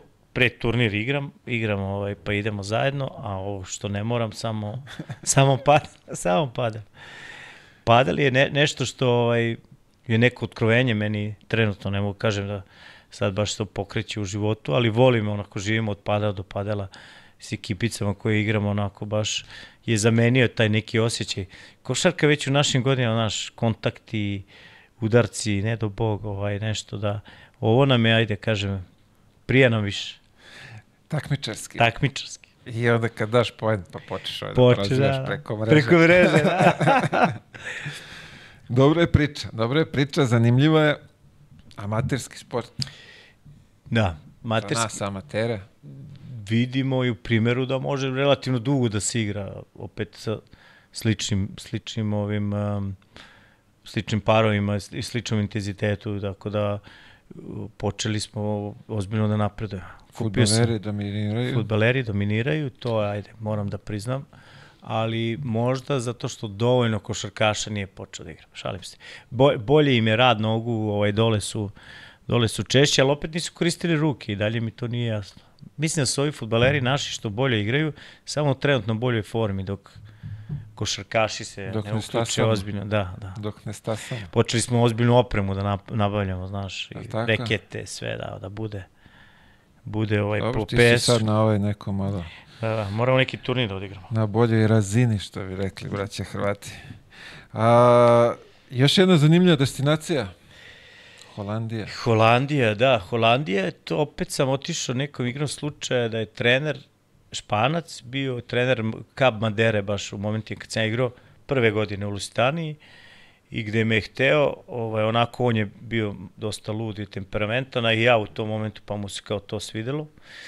Ali sam ja imao, to je trebala možda bude neka, neka odskočna daska ili je bio Uleb kup i ja sam bio tu nekom 27. 28. godine, kažeš, sazreo više kao igrač nego, nego fizički i doživeo sam peh, pošto je, je, je Španac bio poznat po jakim trenizima, ja sam kao počeo da se spremam nešto ranije i slomim nogu, na primjer 2. juna, a 15. augusta treba da idem. I ono, kao i on garantovan ugovor, ko prođem lekarske, ja kod doktora, čuveni doktor Milankov i ovaj, Borko, kažu ovo... Kako si uspio snu- slomiš nogu? Prvo to mi reci, 2. juna. sam, ne, evo ja ni dan danas ne, to je tako puklo, stao sam, ja sam mislim da otvoren prelom, uh, u stavu sam stao ono kao na piku između uh, mene i saigrača na nogu i samo sam pao dole i A to je na utakmici. to je bio neki pick-up koji smo kao krenuli mi da ono, leti da igramo, tad u Novom Sadu, između sebe. Ja sam kao krenuo na vreme da se spremam, to mi je bilo najvažnije u tom momentu da odem. Mislim, kao u, u, tom momentu za mene je stvarno ovaj, jedna od boljih prilika, jer u tom momentu Hemofarm bio Jagodnik, Miljan Pavković, koji je bio je, ovaj, uh, Galata Saraj, bilo je, bio Girona je bilo u našoj grupi, Pešić trener, Margasol, Vitor Sada i tako dalje. Došao brzi play, me- meni stavili nogu u gips, ovaj, jer nema kao, to je jedini način i ja skidam gips dan pred odlazak i idem tamo. Predstavljanje medije, ne znam šta, kao ajte Chris Cross mene grčvata. Došao brzi bek, trči, una, trči unazad, znaš. I ja kažem, znaš, ja sam ozbiljno izvrnuo nogu, kaže doktor, ma dobro, polako ćemo, sve to prođe ja lekarske preglede, međutim nešto nije dobro bilo, nije, nije mi dobro zarasla noga, nešto tibija, mučio sam se dve, dva, tri meseca na operaciju. I to skoro celu godinu propustim, nešto sam se malo kao vratio pred playoff, ali klasično ono naše, ovaj, odakle mi potičemo, dolazimo, to je zanimljivo bilo, kako se zove, pita na trener, ću ja dobiti platu, on me gleda, što ne bi dobio, kao, pa rekao, znaš, povređen, znaš ono kako to ide, aj kući. Međutim, sve su ispoštovali, platili i dolazi on da me poseti posle operacije u, ovaj, u, u bolnicu, ja primio primio morfijum ono, u nogu, možda 15 minuta pre toga, ja mi dolazi sad kako si ti, šta i sad, u tom momentu smo gubili, on se žali, međutim ja se smejem, ja se ono, he, he, kao, šta ti je lepo, a rekao, lepo mi morfijum, sad, šta ti je, toliko smešno, rekao, malo sam, ovaj, ali tu, tu na primjer, super iskustvo koliko je profesionalan klub, tamo je, osiguranje, na primjer, plati 80%, oni nisu zato bili pod stresom. Ovaj, kad si povređen ne možeš da igraš, pokrije operaciju i isto, isto mi je lepo iskustvo, na primjer, kao ovaj, završava se sezona i poslednja plata nećete primiti, sponzori otkazu sponzorstvo, sramota, bla bla, ja rekao, ajde, nema zadnje plate, znaš. Moglo je da bude da nema ni da, jedna. da, moglo je da nema ni jedna. Kao. Ne, ali potpuno drugi mentalitet, ja kao dolazim na utakmice sa štakama, oni svi kao, kako si požrtvovan, mi se ja šta sam požrtvovan, znaš, ono, došao. I neko mi kuca na vrata i kao na savršenom engleskom, kao vi ste vi, ja sam gospodin taj i taj, ono, mi smo tu da vam pomognemo da popunite neki obrazac, kao država će vam dati posljednju platu. O, rekao, stvarno, rekao, pa što ste, pa ja popunim sve, oni plate, kao stvarno sramota da vam nisu teli da daju i tako dalje. To ima, ima u Francuskoj onaj šamaž i Da, tako da, neka da, slična da, da. socijalni program. Tako da tu taj nek, neki onako lagan život i sistem koji stoji iza, to je dobra država koja stoji iza nekog ovaj, kluba je tamo baš bila evidentna. Ali, Kod nas brzi, bi ti brzi došlo- play je trčao unazad tu sezonu, naš, nisam mogao napred nikako.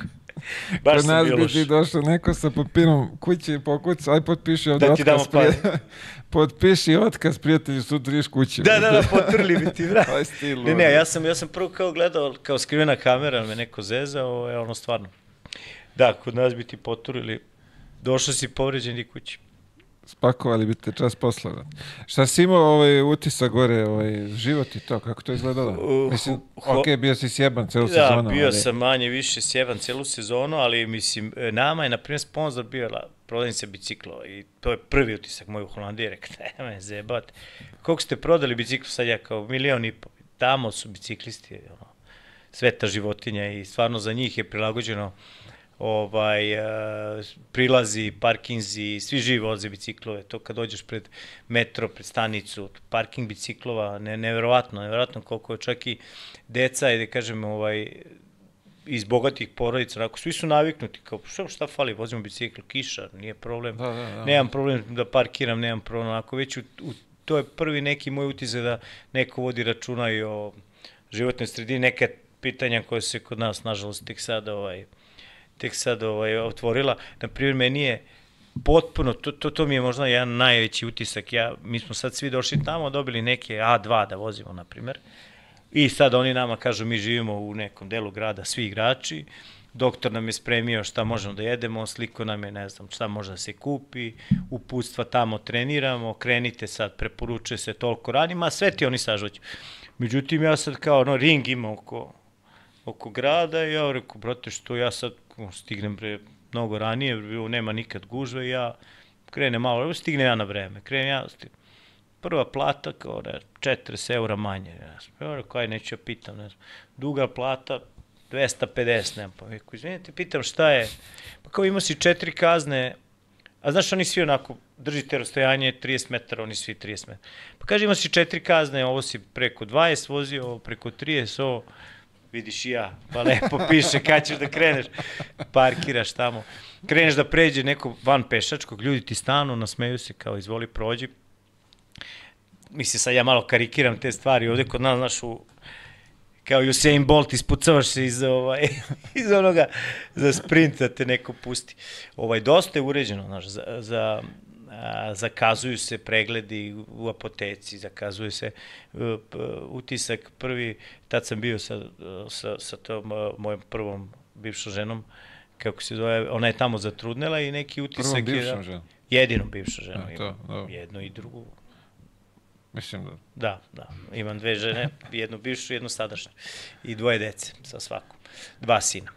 Ovaj, I neki utisak je ovde kod nas su nekako dizali paniku oko trudnoće, oko tih stvari tamo. E, mi smo išli kod ginekologa, kao, izvinite, vi ste došli, pa kao došli smo, trudna je. Pa kao, kakav je problem? Pa rekao, nema nikakav problem trudne. Pa ne idete vi kod nas.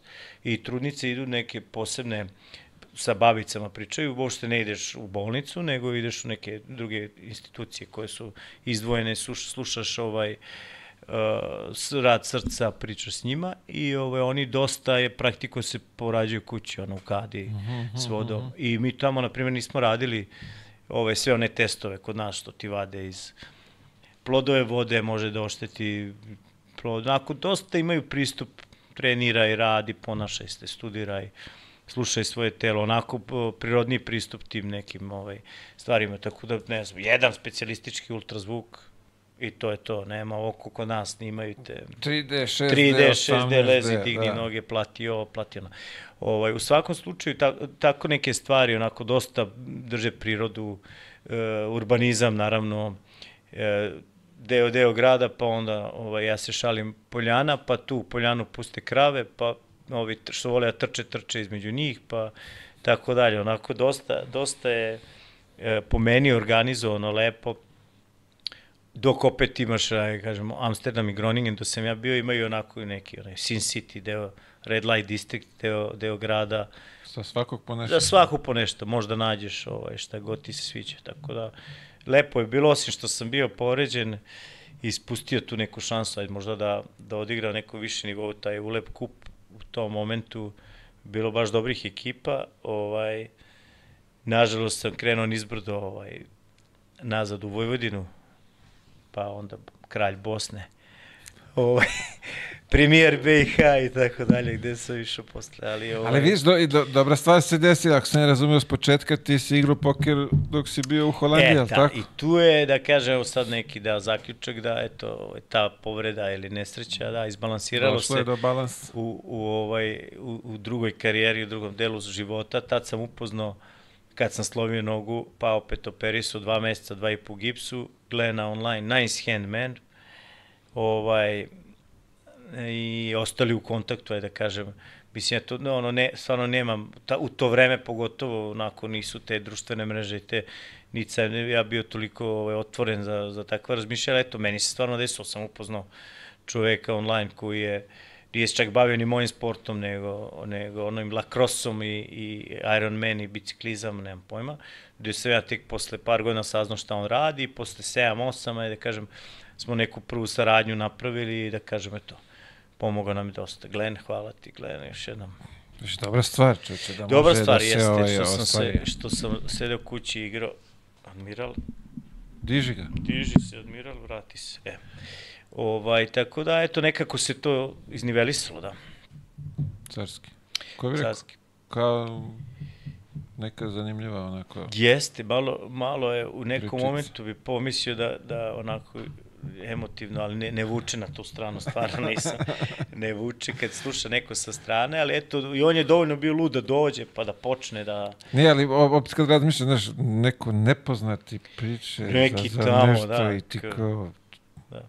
I kad je on dolazio tu, i sad mi smo imali ludačku sreću isto da je njegov prijatelj, ovaj, koji je to vreme bio direktor MTV Adrije, on je polu Poljak, polu Kanadjani, na primer, žive u Beogradu. I on mu rekao, srećno ti srpski partneri, kao, znaš, kao srećno ti s njima.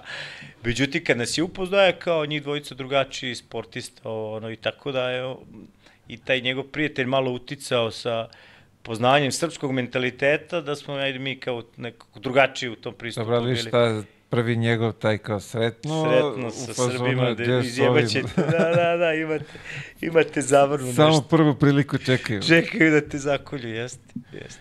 A dobro, Ali dobro i ispada. donekle smo i sami krivi za tu sliku, jebi ga, tako da. Da. Tu smo sada peglamo. Pitao li me Poljaci može? da li imamo kompjuter, ali posle, eto, malo je iz Poljske došlo i i ove neke pomoći, da kažem. A, pazio, kralj Bosne, šta si rekao? Kralj Bosne, da, posle sam, posle Holandije, posle Holandije se vratio u Vojvodinu, u Jadransku ligu smo igrali Aha. te godine, pokojni Sretan je bio trener, pa Minić, pa Vlada Đurović, tri trenera. U, kakav si ovaj... Uf, sa Vladom.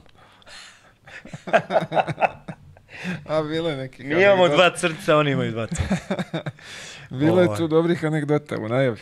Jaj, kako se zove. Tu, tu sam, na primjer, se vraćao iz te povrede i ovaj, Minić me onako vratio malo i, i, i želju za, za, za košarkom i, i onako baš mi je ovaj, odao, odao da eto, struka i neki pristup, bio, bio Koprivica je bio za oporavak rađen pomoćni trener i, i Minić prvi put onako detaljan scouting, detaljne neke stvari, ovaj, da kažem, sad što se radi u Euroligi, neki viši nivo, ja sam potpuno bio oduševljen.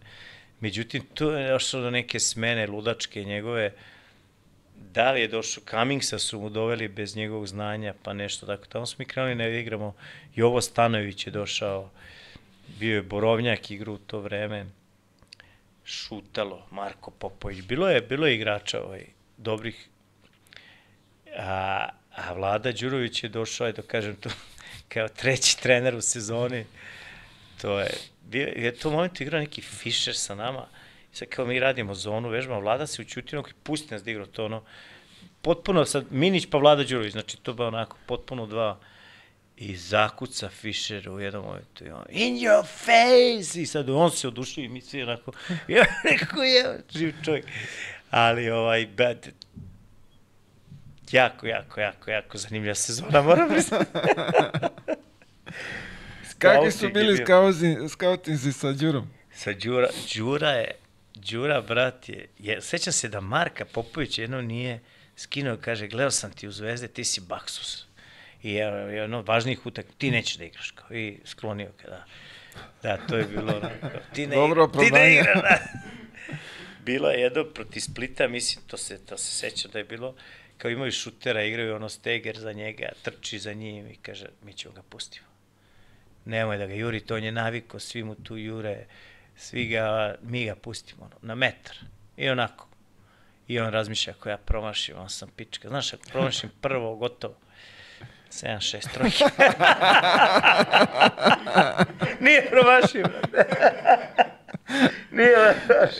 A, majko. E, ali on te, te, te njegove psihološke, te, ovaj, Jest. što ima... Vi imate dva, oni imaju, tu smo isti. E, oni imaju i sad, i onda se okrene prema devetom igraču. Ti ako daš četiri pojena, mi smo pobedili. Znaš kao, sve smo tu isti. Bilo je, bilo je zanimljivo. Bilo je, seća se nešto je crto, pa ne, da, da ne znam protiv koga smo. I on tako kaže, trči tu po sredini terena, kao gatuzu, znaš, kvari igru, kvari Majko. E, vidi, ali on i- ima taj, bar ono, dok sam ja bio, kad, je, kad, smo sarađivali zajedno, ima taj da. neki specifičan pristup tim Jest. mladim igračima i nešto se uvijek drugačije radilo kod njega nego Jest. kod ostalih. Jeste.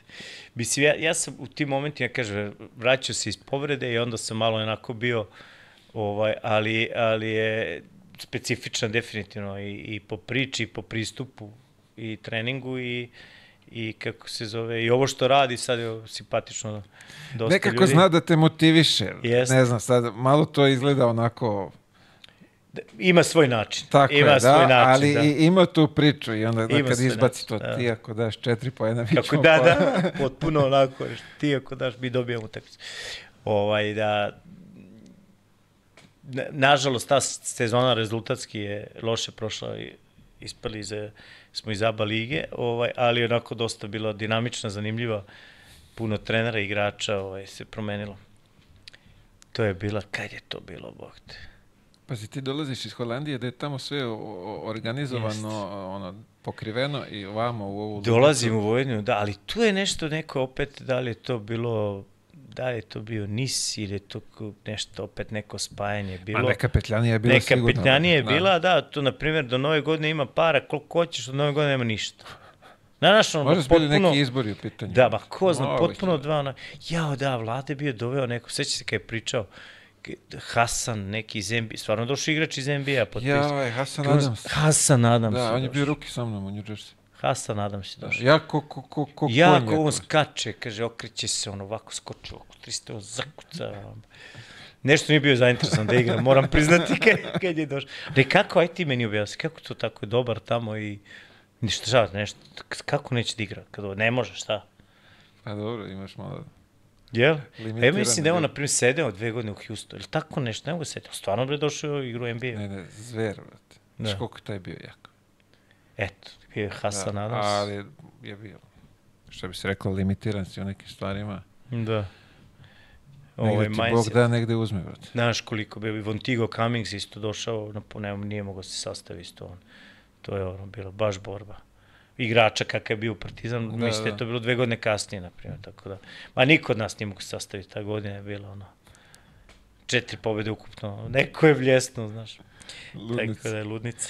Kad prelaziš u veliki borac Banja Luku, Borac Banjuka te, posle te, te slavne godine u Vojvodini, da, idem kod Bore tu, Đakovića. što bi se reklo, tu otvaraš ovaj bosanski market. Da, da, svoje tržište. Dosta mi je Jadranske lige, idem da...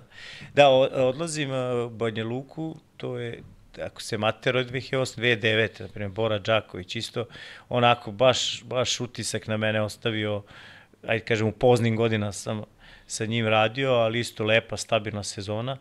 Ovaj, bio je Tomica Zirović pomoćni i, ovaj, i Đaković neki mladi, mladi igrači posle koji su pravili karijere i bio je, ko je još sa mnom tamo bio?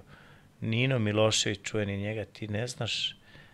Ovaj, bila, prija, prijela mi ta godina, u jednom momentu ovamo stresa, ovamo opet sam došao neko na svoje, gde sam nosio, stav, mislim, kralj B lige i premijer BiH. E, izvini, Marko Jagodić Kuriđa, bravo. Kuriđa i ja igramo. Opa. Kuriđa i ja odlazimo u Banja Luku i onda na kraju te sezone odlazimo u Čapljinu da igramo Final Six za, za Čapljinu. I Kuriđa u stresu, moj brat, jer tamo on je otišao proteran iz Zadra, šta će da nam rade, šta će vamo da bude.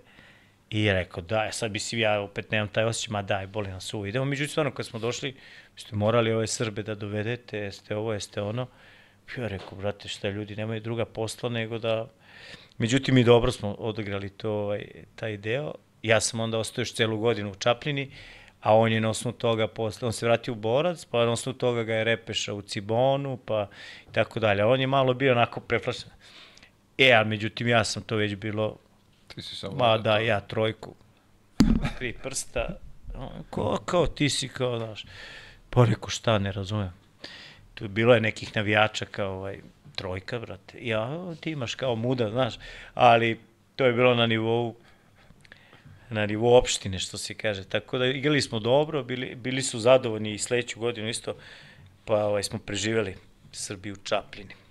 Srbiju. Srbiju u Čapljini, ali, ali, ali je, to je, to je, vidio sam da je kraj, tad sam, ne znam, bio drugi strelac, drugi asistent, najbolja ponuda Mrkonjić grad, 1700 eura, kaže, živite zajedno, vaš sedmor u kući, ko lopta ode nizbrdo. Nećete stići do proleća, tako da sam vidio. Bilo je vreme za prestanak, brate. A trenera zovu Šumar, brate, znaš? I u stvari misli da je bio Šumar, brate. Da, brate, vidi, je. Ko bi bio da bude trener, brate? Edi, ko. Pa idi, bre. Da. Od reprezentacije do Mrkonjić grada i stilu.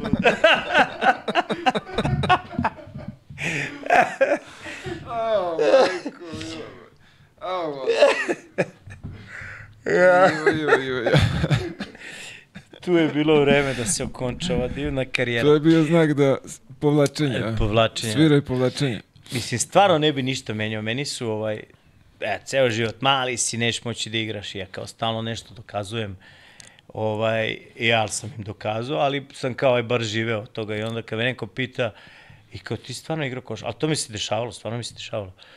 Ovaj, u Nišu kad sam igrao i sad čuju, nisam, nisam ovaj, iz, iz Niša, odakle si iz Novog Sada, šta radiš tu? Igram košarku. Ma ne, stvarno, šta radiš tu?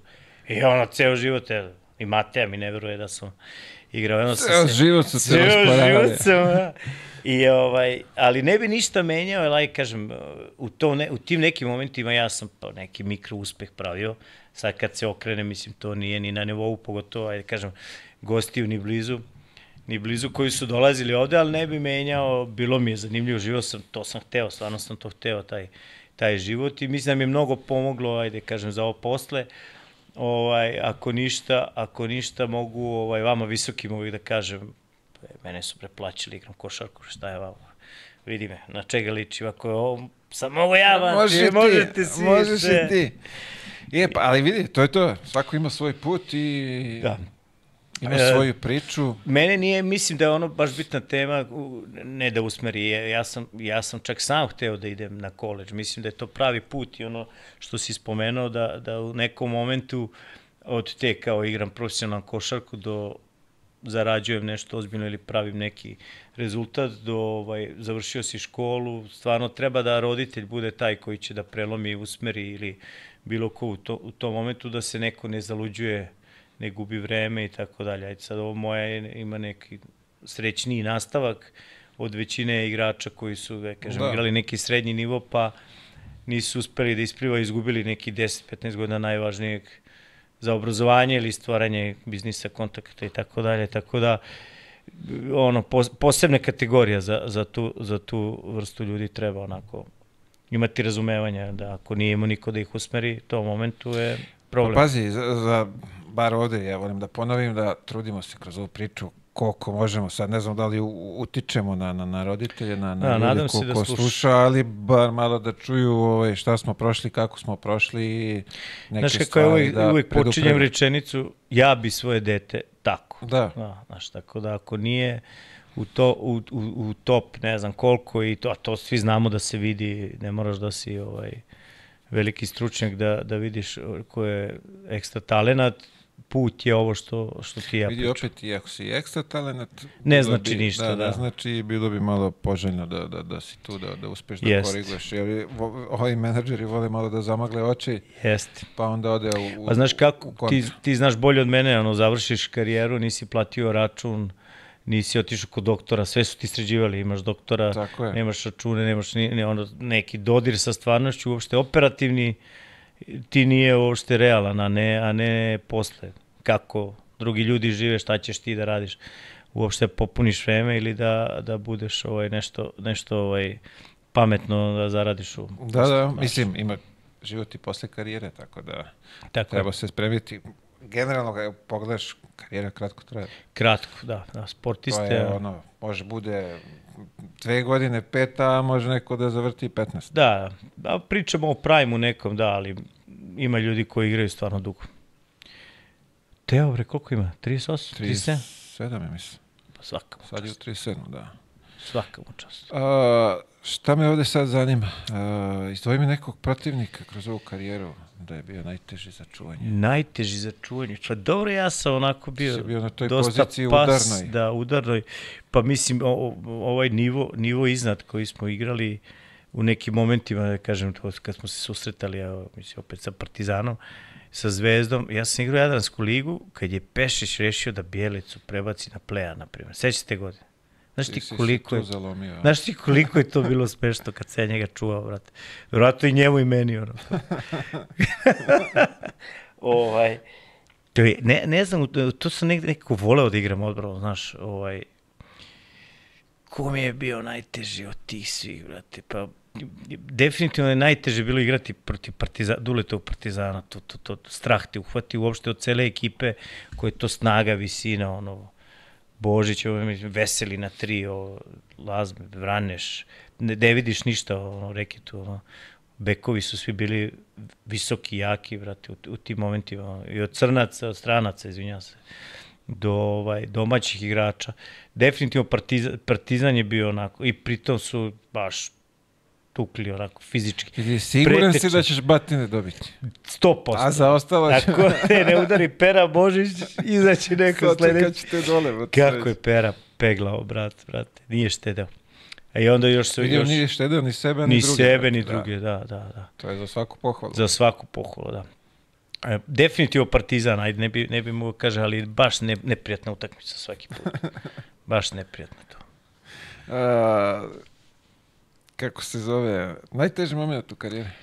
Najteži moment u karijeri je možda, možda to kad sam slomio nogu ovaj, za, za od nekih, da kažem, ozbiljnijih očekivanja u tom nekom svesnom delu karijera, gde, da kažem, ajde, mene niko nije ni imao da vodi kroz to malo, tako, vetar me nosio, ovaj, ko me zove. Mi svake godine sam imao klub, solidna, solidne ugovore, ovaj, ali sam, ali sam tako, nisam se fokusirao, imao neki plan i u tom momentu sam onako, baš imao neki plan i to, to, to, to razočarenje da, eto, ono, mislim, i kad je puklo, znao sam da to je godinu dana, eto, ispostavio se godinu i po je, ko ima neku težu povredu, ovaj, zna koji je to pakao da se vratiš.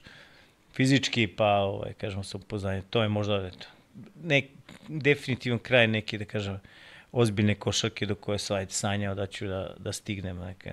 Imao sam pozive, to isto nešto do- dobro i loše se dešavalo.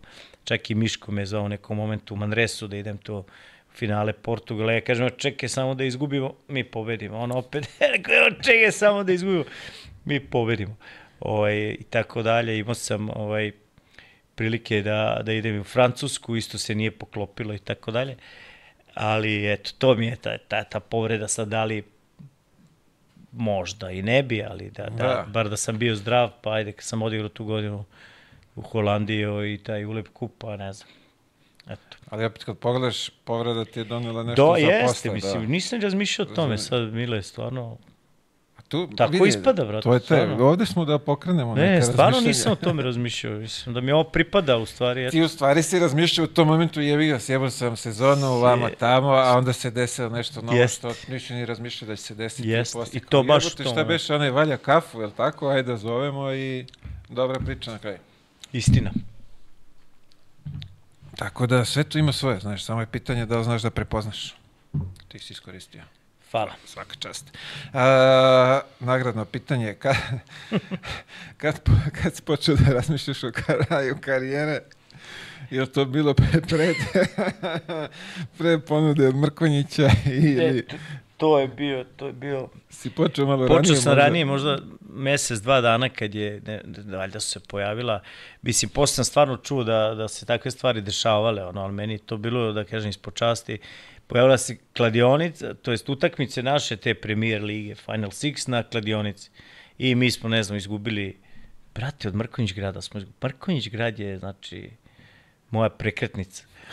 Kako se zove, i kao nešto je bilo, prodali ste utakmicu, ne, ne kazniće vas, znaš kako to ide u tim sredinama, tu mi je već onako krenuo lonac da, da kipti, rekao, "O, nije za mene, i onda kažem ti kad sam, ajde, mislim se ja bio nekim godinama sada, mislim 32, 31 sam prestao, a ovaj, najbolja ponuda, kažem, odigrao sam super tu godinu opet i ja rekao, Kaže, to je najviše što možemo ti damo i što, ovaj, kaže, živite vas sedam u kući. E, to je bio baš red flag, dosta, da. Dosta, dosta. Prekretnica. Prekretnica, da, da. Treba prepoznati. Zato sam sad svež za padel, znaš. Sačuo Imam, si da, se. čuo sam. Čuo si. Mogu je Mrkonjić da te Mogu je uništi. da, da tuče, brate. Si imao plan za posle? Nikakav. Kao i svaki, kao i svaki sportista uvek je kao bit ću tu petljaću oko sporta.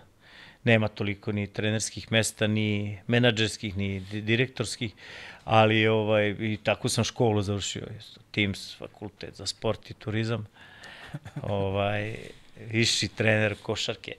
I kažem ti, plan jeste bio i, ajde kažem, u tom momentu najbolje mlađe selekcije uslovi, iskreno je bilo u predgrađu, to jest bili smo na Čukariškoj padini kod, kod Klipe. Međutim, onako baš loš osjećaj u stomaku, sličnog načina života i odlazaka od kuće, ajde kažem to već dete raste, kreće u osnovnu školu i tako dalje, neka odluka koja nekako nisam video sebe a, a, a, mislim, kažem, briga puta 12 ili 15 koliko imaš igrača, a isti, isti lifestyle, E, samo sam je jednog dana rekao ja ovo ne mogu, javio se, rekao ne dolazim, klipa, to je to, a ovaj, a, ja nisam znao šta dalje.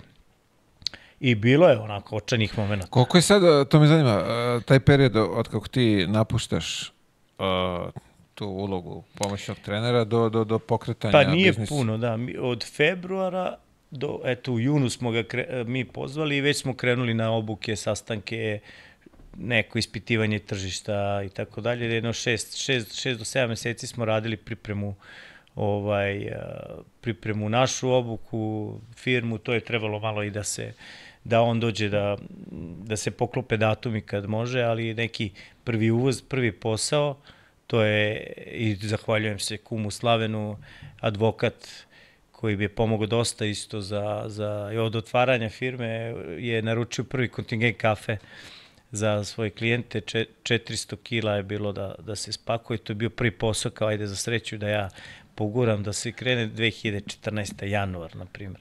Tako da, znači, 2013. sam ja u februaru rekao, pred Euroligaški Final Four, jer smo se plasirali bili na, na Final Four, da, mislim, to nije za mene, bukvalno se probudio i javio da ne dolazim.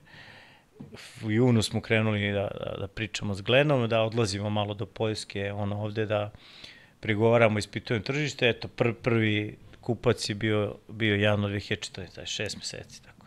Hvala kumu na podršci. Hvala mnogo.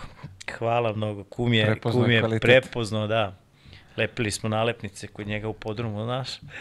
Bilo je zanimljivih po- pokušaja. Ljubav prema tetovažama. Pa Kako je to sad to? kad bi rekao, nemojte da to krenuo raditi, si- da. da. Nemojte to raditi. Prvu tetovažu sam uradio baš kao klinac, ovo Lalinea, o barum, barum. Potpuno jel to- znači. Nisi vidio ovo? E, Da, nisam... pretpo- Vidio sam, nisam konstatovao, da. To je bre onaj c- crtić. Crtani, da, da. E, pa ne, ne znam da objasnim to kad ko neko krene da se tetovira, ovaj, ne može da prestane. E Sad ja, ja bi, kad bi me neko pitao, ja ne bi volio se moj sin tetovira, ali kako, ko sam ja da mu kažem tako nešto. I sad s godinama sve više i više te boli, neke ti znače nešto, neke, ama baš ništa, neke, ovaj, znaš, on najgore pitati za, za ovaj, za značenje kao šta, šta ti šta predstavlja. Nek, nek, neki su pokloni, ovaj, neki su, evo, na primjer, ovaj moj sin Mateja crtu, kad je bio klinac, on je Naruto crtao. Ovaj, ali ne, ne znam da objasnim. Znači, kad kreneš, nema kraja. Kao, rodio mi se ovde sin, da obeležim ovde ovaj uspeh, ovde neko sećanje, ovde ni, treba mi nešto crveno da mi popuni. Modni detalj. ovde poklon, znaš, od, od sadašnje žene Flamingosa, ovde od bivše i tako. Tako da ne, ovaj, ne žalim, ali da kad bi mogao da savetujem nekog da ne radi, ne treba, ali ne znam kako delujem ljudima, nikad nisam hteo da delujem ovo, nešto kao zastrašujuće ili ne, nešto kao, znaš, obično to povezuju, sad malo je to se, ovaj, Vidi, za mene, za ali- mene je sve okej dok ne, ne kreneš glavu da šaraš. E, Da. kad kreneš po glavi, to je već onda malo neki moment. da, reci mi, Mile, slobodno. Vidjet ću. Čim, čim budeš Imam stavio na glavu, na desnoj nozi, Na, glavu, kad budeš stavio, onda ću da pitam da li da je sve u redu. pitam da li sve okej. Ovaj, ne, neobjašnjivo, nemojte se tetovirati, nema potrebe. Ja sam probao, znaš kao, nemojte, ja sam Video sam da ne znam. carski. A, daj mi savet za mlade. Pa mladi definitivno, mislim, ja prvi nisam, nisam učio, nisam učio na, na tuđim greškama, nego na svojim. E, veoma, veoma bitno da se stoji sa obe noge na zemlji, da žele da se razvijaju i da imaju neku ambiciju, cilj. Obično ne vidiš, evo, sa, sa, sami mi ne vidimo neki krajnji cilj, ali, ali nešto što, ovaj, nešto što naravno žarko želiš, ovaj, e, kao postaviš sebi i puno puta ponoviš. To je ono što je ovaj, jako bitno da upornost ili i, ovaj, ne, neka, neko ponavljanje nečega gde ti se u nekom momentu čini da je to ovaj, uzaludno, nekad i da dođe na naplatu ovaj, u pozitivi. Tako da to, to je ono što nas sport uči i posle što nam je lakše u životu i u biznisu je, je neka ta upornost, da se nikad ne predaju, ovaj, da budu uporni s dve noge na zemlji i da idu ka svojim cilju. Realno nemoguće je ništa.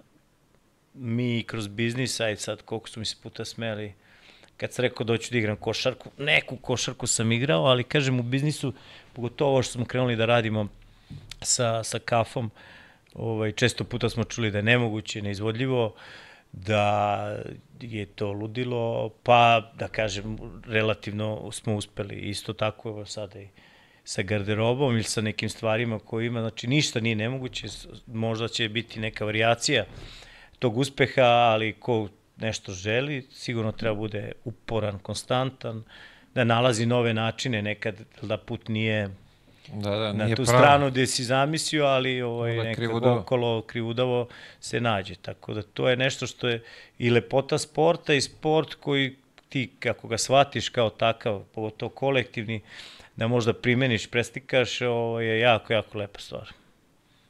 Top. A, reci mi ovo sad, a, s ove tačke gledišta, šta ti je košarka donela u životu? Pa vidi, u tom momentu mi, mi donosi sigurno putovanja, ono, vreme sankcija i, i tih nekih stvari, donela mi je malo, malo, malo bolji život u odnosu na te teške dane, stvarno, uh, u Srbiji koji su se dešavali, ovaj, ali ono što, što prevashodno je, uh, i sam radio ono što volim. I to je nešto što, što sam posle zadržao i što nisam mogao da radim nešto za drugo ili nešto što ne volim, kažem, ovaj drugi deo karijere, to prevashodno, znači ja sam stvarno uživao u svakom danu. Ja volim košarku, ljudi, ljudi me pitaju kako sad, znaš, imaš i onih igrača koji kad prestanu, kako ja ne gledam ništa, mislim, poštujem i to, ne idem da igram, Znaš, ne, nekako tu baš nije, ono, nisi iskren prema igri ili nisi je voleo. Ja stvarno volim košarku i igrao sam, igram i dalje često, gledam, sve što mogu da gledam, nekad upališ laptop, televizor, ovaj, i tako dalje, tako da, da dala mi je, eto, da radiš to što voliš, e, sad, opet, neko radi, mnogi su radili bolje od mene ove, neke stvari, ali opet u glavi su stalno mi reči Janka Lukovskog, na primjer, koji je nama kao mladim igračima pričao, pitan u stvari šta je za vas uspeh, evo u košarci, u sportu. I sad svih sad, ne znam, su onako odgovarali dosta dosta ovaj konkretno, a on je rekao ne, te uspeh je da ti postigneš svoj maksimum, dostigneš svoj maksimum. Sad maksimum nekog talentovnog igrača je daleko veći od mog, da ne bi sad imenovao druge, ali, ali ako sam ja dostigo i došao blizu svog, ja sam bolji sportista odnosno na njega, iako je on možda igrao gde već i tako dalje. Tako da je motivacija uopšte za taj deo rada i ponavljanja njegov bila maksimalna. I znamo igrače koji su, tako, radom i upornošću postigli mnogo više od talenata i uopšte u toj nekoj kombinaciji ovaj, te radne navike su ovaj, bitnije mnogo. Tako da, eto, te dve stvari bih rekao, znači da, dao mi je priliku košarka da radim što volim i usadila mi je nešto što je, ja kažem, upornost, svi ti ljudi kroz košarku, ovaj, da radiš što voliš. Bravo. A, najteže pitanje uvijek ostavljam za kraj. Znaš šta je najteže ne. pitanje za kraj? Znači, na ne gledaš redov. Petorka. S kojom se Top igra? 5 saigrača. Ajmo Top da vidimo saigrača. imenom i prezimenom. Top 5 saigrača, razmišljao sam o tome, Rakočević, sigurno, Zlatko Bolić, legenda Vojvodine i Zvezde, Zlatko Bolić, Mikan Grušanović i Jovo Stanović, eto. I umesto mene ću, dragi volju, baciti Vesu Petrovića. Wow. Znači Vesa, Petrović, Rakočević, Zlatko Bolić, Mikan Grušanović i Mikana moramo da stavimo Mikan tu. Ovo zaslužuje. Mikan legenda, eto. A dobro. Da, da, Ekipa je, za, za trofej. ima ekipu za trofej, da. To je isto s njim igrati je bilo čudo, vrate, Mikan. Ne trenira. Čovjek dođe pojenak sreda petak, da, 50 pojena ode kući. Malo Čekaj, da... ti si uhvatio njega kad je Ja ono, da imao je koliko godina dao pojena više, Da, tako? da. Ja sam kod Stepandića igrao u Vojvodini, bio Zlatko Bolić, Šele Vučurović. Tad je umesto Rikija Antića došao Stepi tu negde na početku sezone. I onda on naravno doveo uvek idu i Damir Pokrajac, Negovanović i pokojni Nemanja Danilović bio tu i a, ja sam bio klinac, to sam igrao i ovaj Mikan Grušanović. Kakva je to legenda, kakav je to igrač, kakav je to... Njega bole leđa, a on ima, brate, svinje ima da, da je ovaj, deda mu rekao mora po drva gore i tako dalje. Dođe malo na šuterski, ali ne zezam se. Mikane, dva levo, ili ga udvajaju s ove strane, ulazi u sredinu, daje koš ili ovaj, njegov ovaj, pivot okreće se na čevnu i daje Ovaj, I po dijagonali mu stoji šuter obavezno da koga udvoje da tamo. Oz, ozbiljna legenda, dobar čovjek, stvarno onako van serijski neki neki igrač i čovjek koji je, koji, ajde da kažem, je mogu imati verovatno mnogo, mnogo bolju karijeru da je hteo ili da mu se potrefilo, sam prisustuo tim utakmicama da je nije mogo da ga čuo niko mlađi, brži, da, da mu je pao nakovanj na laka, znaš, pa mu se skratila ruka da, da svaka Je, ulazi. čekaj, da, ali viš nisam još ovaj, da li to saobraćajka ili Pa, mislim, šta je, šta je tačna verzija? Da, to moja verzija je to da je on nešto radio tamo, pa da je, da je nešto ga udarilo, da nema veze sa obraćajka je sad. Morat ćemo njega Da, pitati. to ću, nadam se da ću imati prilike. Mikan legenda. Nadam se da ću imati prilike da postavim to pitanje veliko Mikano. A, pazi ovako. Sabili smo koliko, Vlada? Dva i po sata? Zezaš? O, bravo. Za malo da uđeš u klub trojku. Stvarno? Da, to je ovaj mali poklon od mene. Nemamo ovako ove Hvala. elegantne kutije ti. lepe Mi smo i dalje, ovaj, znaš, malo jedno Mogli bi da uradimo nešto zajedno. Da, pa vidi, ti si kreativan čovjek. Ja sam ti ovaj, ubacio M. Može, jel ulaziš u M? To kako ne, pa Tako ja je, ako ako ne, ne baš onda, onda se sm- smršaj se, što bi se reklo, doteraj se u red. Hvala mnogo, Ovaj, hvala mnogo. Hvala ti mnogo na izdvojenom vremenu. Ja mogu ti reći da sam uživao u ovim pričama. pogotovo za na kraju ovaj Mrkonjić grad. I ispalo, e, pazi, ali imamo, imamo, imamo, imamo publiku odatle. Javlja, Jel da, da, da, ja, javlja A, se jedan pljuvati, gospodin, da, neće, ovo je samo ovaj, lepa priča o tome, ali mi, javlja se jedan gospodin odatle, no stop, Jel da? pozdravlja iz Mrkonjić grada, tako da veliki pozdrav za, za Mrkonjić grad. Veliki Tebi- pozdrav. Hvala na izvojenom vremenu, na pričici. Želimo ovaj, da, da, da ovo za, za blista, što bi se rekao i Gary Tulip. Uh, stavit ćemo u opis videa dole. Hvala mnogo. Šta imaš? Imaš sajt, Instagram, sve damo što Imam imaš. sajt, Instagram, da, Podelit i... ćemo, da. Analica. Tako da, ako hoćete dobru kafu, a, nešto se malo edukovao, Arabika Tako je je, bolja, single origin, lakše Arabika, pada na bolja. želudac. Nema kofeina, Tako je, bolje, zavisi od prženja, više ukusa i tako dalje, roma. Ovaj, ko voli kafu, Java Dobrodošao Coffee, Java Java Coffee, Coffee. tri lokacije. tri Tu lokacije, sam možete Banovo, kupiti Brdo, i sebi za, za kući, je tako? Tako je, Tako da, a možete i da ispečete. dispečem, Si mi ovo doneo ovaj, to je za tebe. svežu? Svežu u zrnu morat ćeš da samilješ samo negde, zavisi kako da želiš da pečem? je piješ. Pa možemo zajedno, petkom kod mene. Eto. Doneć- Doneću ovo nazad pa ćemo da pečemo. Da roštiljamo kafu. Da rastilja. Može. Dragi gledalci, nadam se da ste uživali u ovom našem novom izdanju sa Gary Tulip uh, kompanijom i Java Coffee. Ako želite da se obučete, možete potražiti Gary Tulip, a možete i javamile.com i tamo ćete naći neke majčice. Ne znam kakav je kvalitet, to ćemo sad uporediti. Nemam džempere da uporedimo, da, ali nešto ćemo da, da, ovaj, da proverimo. U svakom slučaju, hvala vam na izvojenom vremenu, a mi se vidimo već sljedeću sredu. Svako dobro i pozdrav!